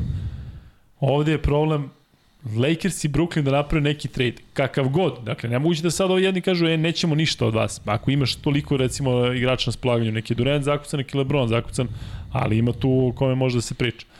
Uh, Vanček, još neka tema u NBA-u koja ti je aktualna, koja ti je... Pa ne znam, mislim, priče ljudi ovaj da je Ruki Maturin iz Indijane, presim protiv Denvera brutalno krenuo i on cele godine od početka Jeste, igra to. Jeste, ulazi se klupe, nije mi jasno u čemu se radi tu. Pa Duarte i ovaj i Halliburton igraju. Pa znam, pa, ali... sve jedno, mislim, zaslužio ovaj. Pa dobro, polako i ne znam kako će biti kao starter. Da. Ali i Juta koja igra genijalnu košarku, daju 120 pojena po meču, možda ih zaustaviš. Neverovatno što je Danny Ainge uradio, uspeo da opljačka Minnesota da sve njihove pikove, koga Cleveland i sve živo, ovi, oni su budu najgori, oni su najbolji, imaju 10-3 Markanen, dobio je ogromno samopoznanje od evropskog. Neverovatno, šta, šta je Koliko znači jedan turnir za bilo kog nije evropskog kontinentalnog gde ti izdominiraš evropsko je posebno za što je najjače. Ali isto tako uh, igrači koji su u kanalu, koji su loše odigrali, uh, sada tu, tu energiju su donali i u svoje timove. Zato što recimo Lorenzo Brown koji je bio jedan od najboljih igrača mm -hmm. prvenstva, on nosi Makabi. Dakle da Makabi, da ne, nema njegov Makabiju, Makabi imao 2-6, ovako ima ovaj e, ima pozitivan skor. U svakom slučaju, ovaj, čini mi se da ajde samo kratko, to, o tome sam razmišljao ovih dana, dakle, ta najezda Evropljana, dakle, sada kada, mislim, znali smo za Markana i ranije, ali Markanen, Dončić, Jokić, Antetokumpo, da ga računamo da je Evropljanin. Jeste. Uh, kada pogledaš pre 30 godina, pre nisi mogao, e, taj Dražen Petrović je morao koliko sezona Mora tamo čeka, da bude... nažalost. Da, A ovaj, prosto neverovatno šta ja, se danas dešava. Ja se to spomenem, mislim da je to više faktora, ali glavni faktor je taj Dream Team iz 92. jer su napokon ljudi na internacionalnoj sceni mogu da vi, mogli da vide šta znači najbolja košarka na svetu. I odatle sve i onda je polako malo je pre toga evropskih igrača dolazilo, pa onda početkom 2000 ti bio uh, Ginobili, Parker, Gasol, pa onda posle 2002. došao Yao Ming, malo se širi sve to i o, ti su neki kao pioniri dodatni, nakon Divca i svih naših, mislim da je nabran koliko ih sve bilo. Bio je i bio je Marčuljonis, bio je Detlef Šremf. Da. Bio je... I Supersonics. Ko je pa, dobro, A da, sa Bonis, mislim. Sa Bonis, da.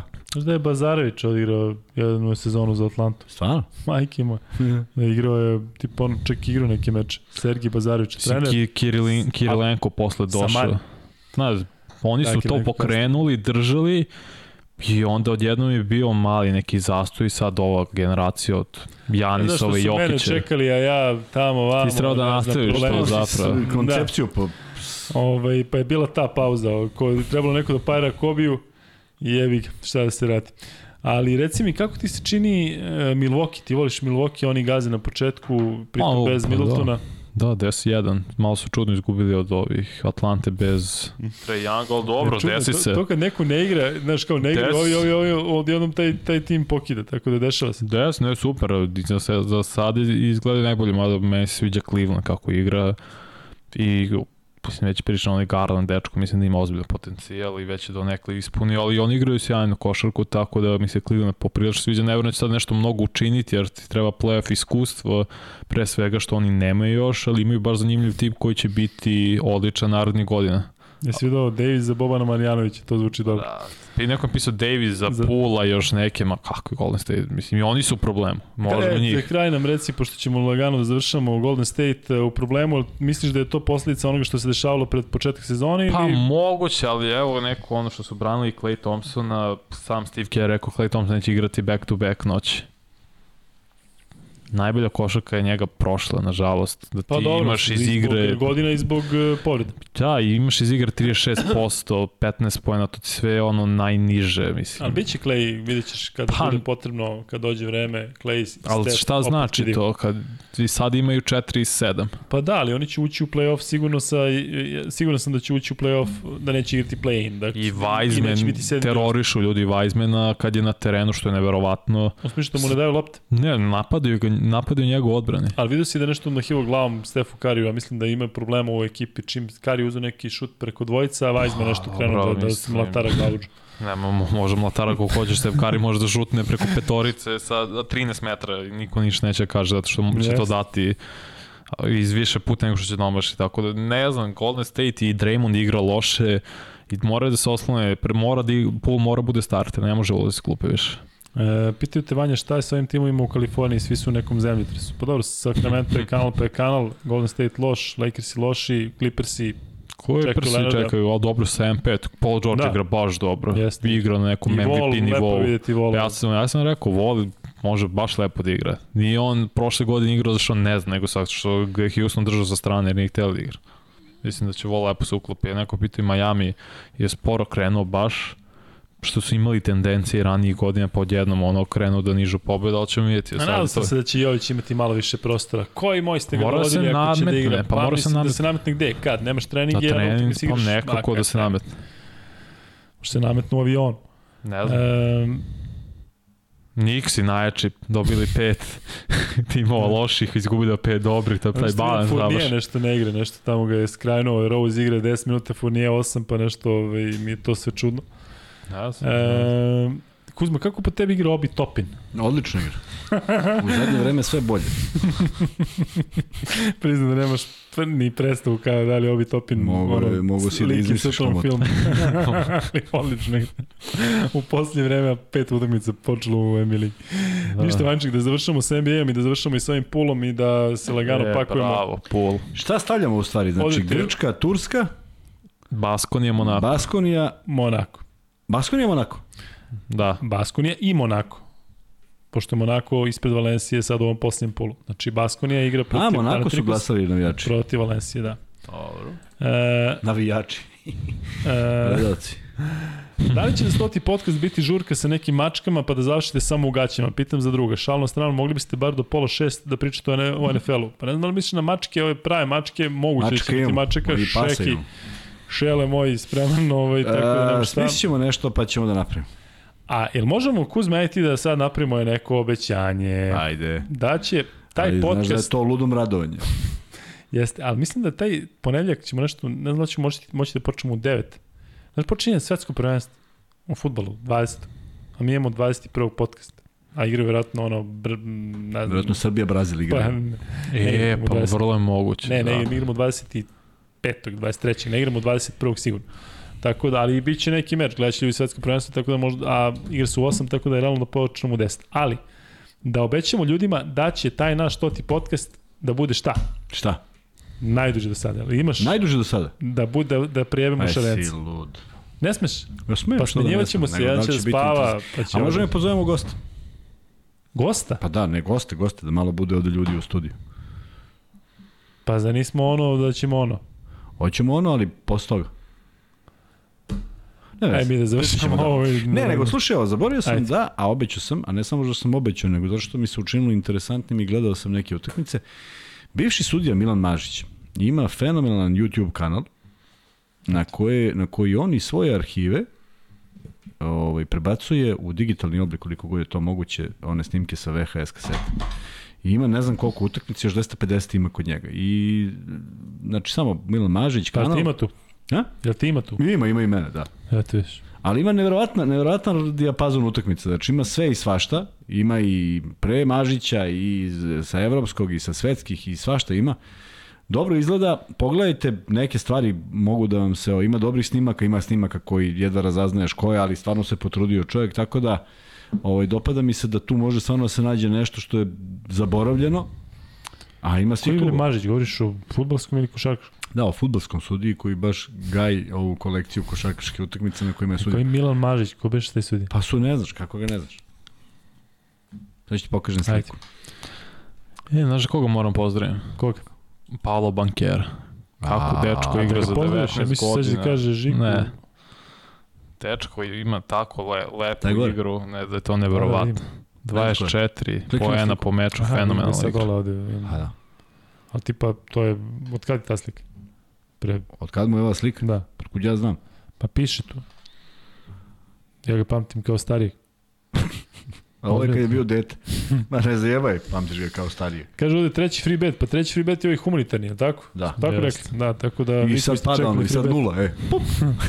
ne, ali ovaj poziv tvoj da lajkuješ je otišao u minus, 331 lajk. Mene sramota više da pozivam ljude da lajkuju, jer ako ne budu lajkovali... Nije, bilo, bilo 270, 331. Kako bre čoveče malo je. Lajkuj ti, inače ću sad da, da ovim gađam tamo preko, preko onog. Ne, Krenu da pretimo, znaš kao. Deja nam piše da su termini svetskog 11, 14, 15 i 20. Šta? 16, 14. Pa u 11 da se igraju mečevi, u 2 i da, u 8. Da, 20 je poslednji, da. da, da. E, evo, ja obećam da će taj stoti podcast biti najduži, pa makar ja moram sam da sedim ovde s malinama i da pričam. E, ali što se tiče ovog podcasta, definitivno je kraj. S tim što sam hteo da vam kažem da 96 broj nosi neko, sad ćemo da imamo ko, 95 nosi Juan Toscano Anderson, ne mislim dan danas. Jeste. A 96 u NBA isto nosi neko, neki mentolac, čim je uzu 96. Mentolac. E, da, evo, klasičan mentolac, a ovo je moj jedan od omiljenih igrača. Meta World Peace u Houston Rocketsima nosio, da. nosio 2009. godine. Te, te bitke sa Kobijem, to je bilo yes. prelepo gledati. Kobi koji malo, po, pa te sledeće godine dovedu Lakers.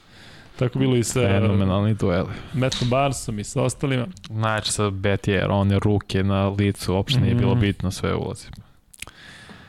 Da, lepo je seti se Kobija i to je posljednje čega ćemo se setiti danas. E, koliko je taj Ron dao poena one utnešnu utakmicu? Šta, ko, koliko je taj Ron? Na, šalim, samo da im da li ćeš da nastaviš da pričaš dalje. Ajmo. E, šta ajmo? Idemo. Idemo kući. Ajde. 3 sata. Ništa ljudi, 90. A, hvala još jednom. Šesti podcast. Kaže. Neću. Pa neću ni ja, šta ćemo sad? Sad ćemo ostavimo do četiri. Ajde, ne, vi, vi ostanite, ja ću idem. Da. E, spremamo svašta za stoti podcast. E, vidjet ćemo da li... E, šta ćemo još što se tiče tih gostiju i svega i svačega, ali spremamo zaista nešto posebno, spremamo nešto fenomenalno, ne znamo još uvijek šta, ali spremamo. Ali ćemo smisliti. Da. Hvala, da. hvala svima na ovolikoj gledanosti do ranih jutarnjih sati. Sutra nas nema, malo nam je krivo zbog toga, ali zaista bilo bi, bilo bi malo tema koje nismo prošli. Nadamo se da u ponedjak imamo o čemu da pričamo, da možemo da pričamo o dve pobede Srbije, što je najvažnije u ovom momentu i vidimo se tada, do tada možda neki šorc izleti, ali u svakom slučaju ovaj, 2 sata i 40 minuta. Vanček, ti nešto za kraj? Da ne, pozdraviš bankjera, imaš neko da pozdraviš? Ne, ništa, ljudi uživajte, naspavajte se, pošto nas ljudi gledaju i ovi što gledaju do 3 ujutru, oni treba da spavaju, tako da, da istina. Da, ste carevi, evo ako hoćete mega, da... Mega, šmekerski potez. Da, dakle, ako zaista ne možete spavati, imate opciju da gledate NBA negde, ako možete, a na sport klubu možete da gledate mečeve, ima ovo svetsko prvenstvo kvalifikacije američke, I ko ne bude mogao da spava do 8 ujutru, mene možete gledati u 7, oko 6.40 na Novo S, dakle za nekih 4 sata. I evo ja vam kažem, igraću košarku u studiju. Opa, bato, pali se budilnik na 6.30. Vidimo se u ponedljak.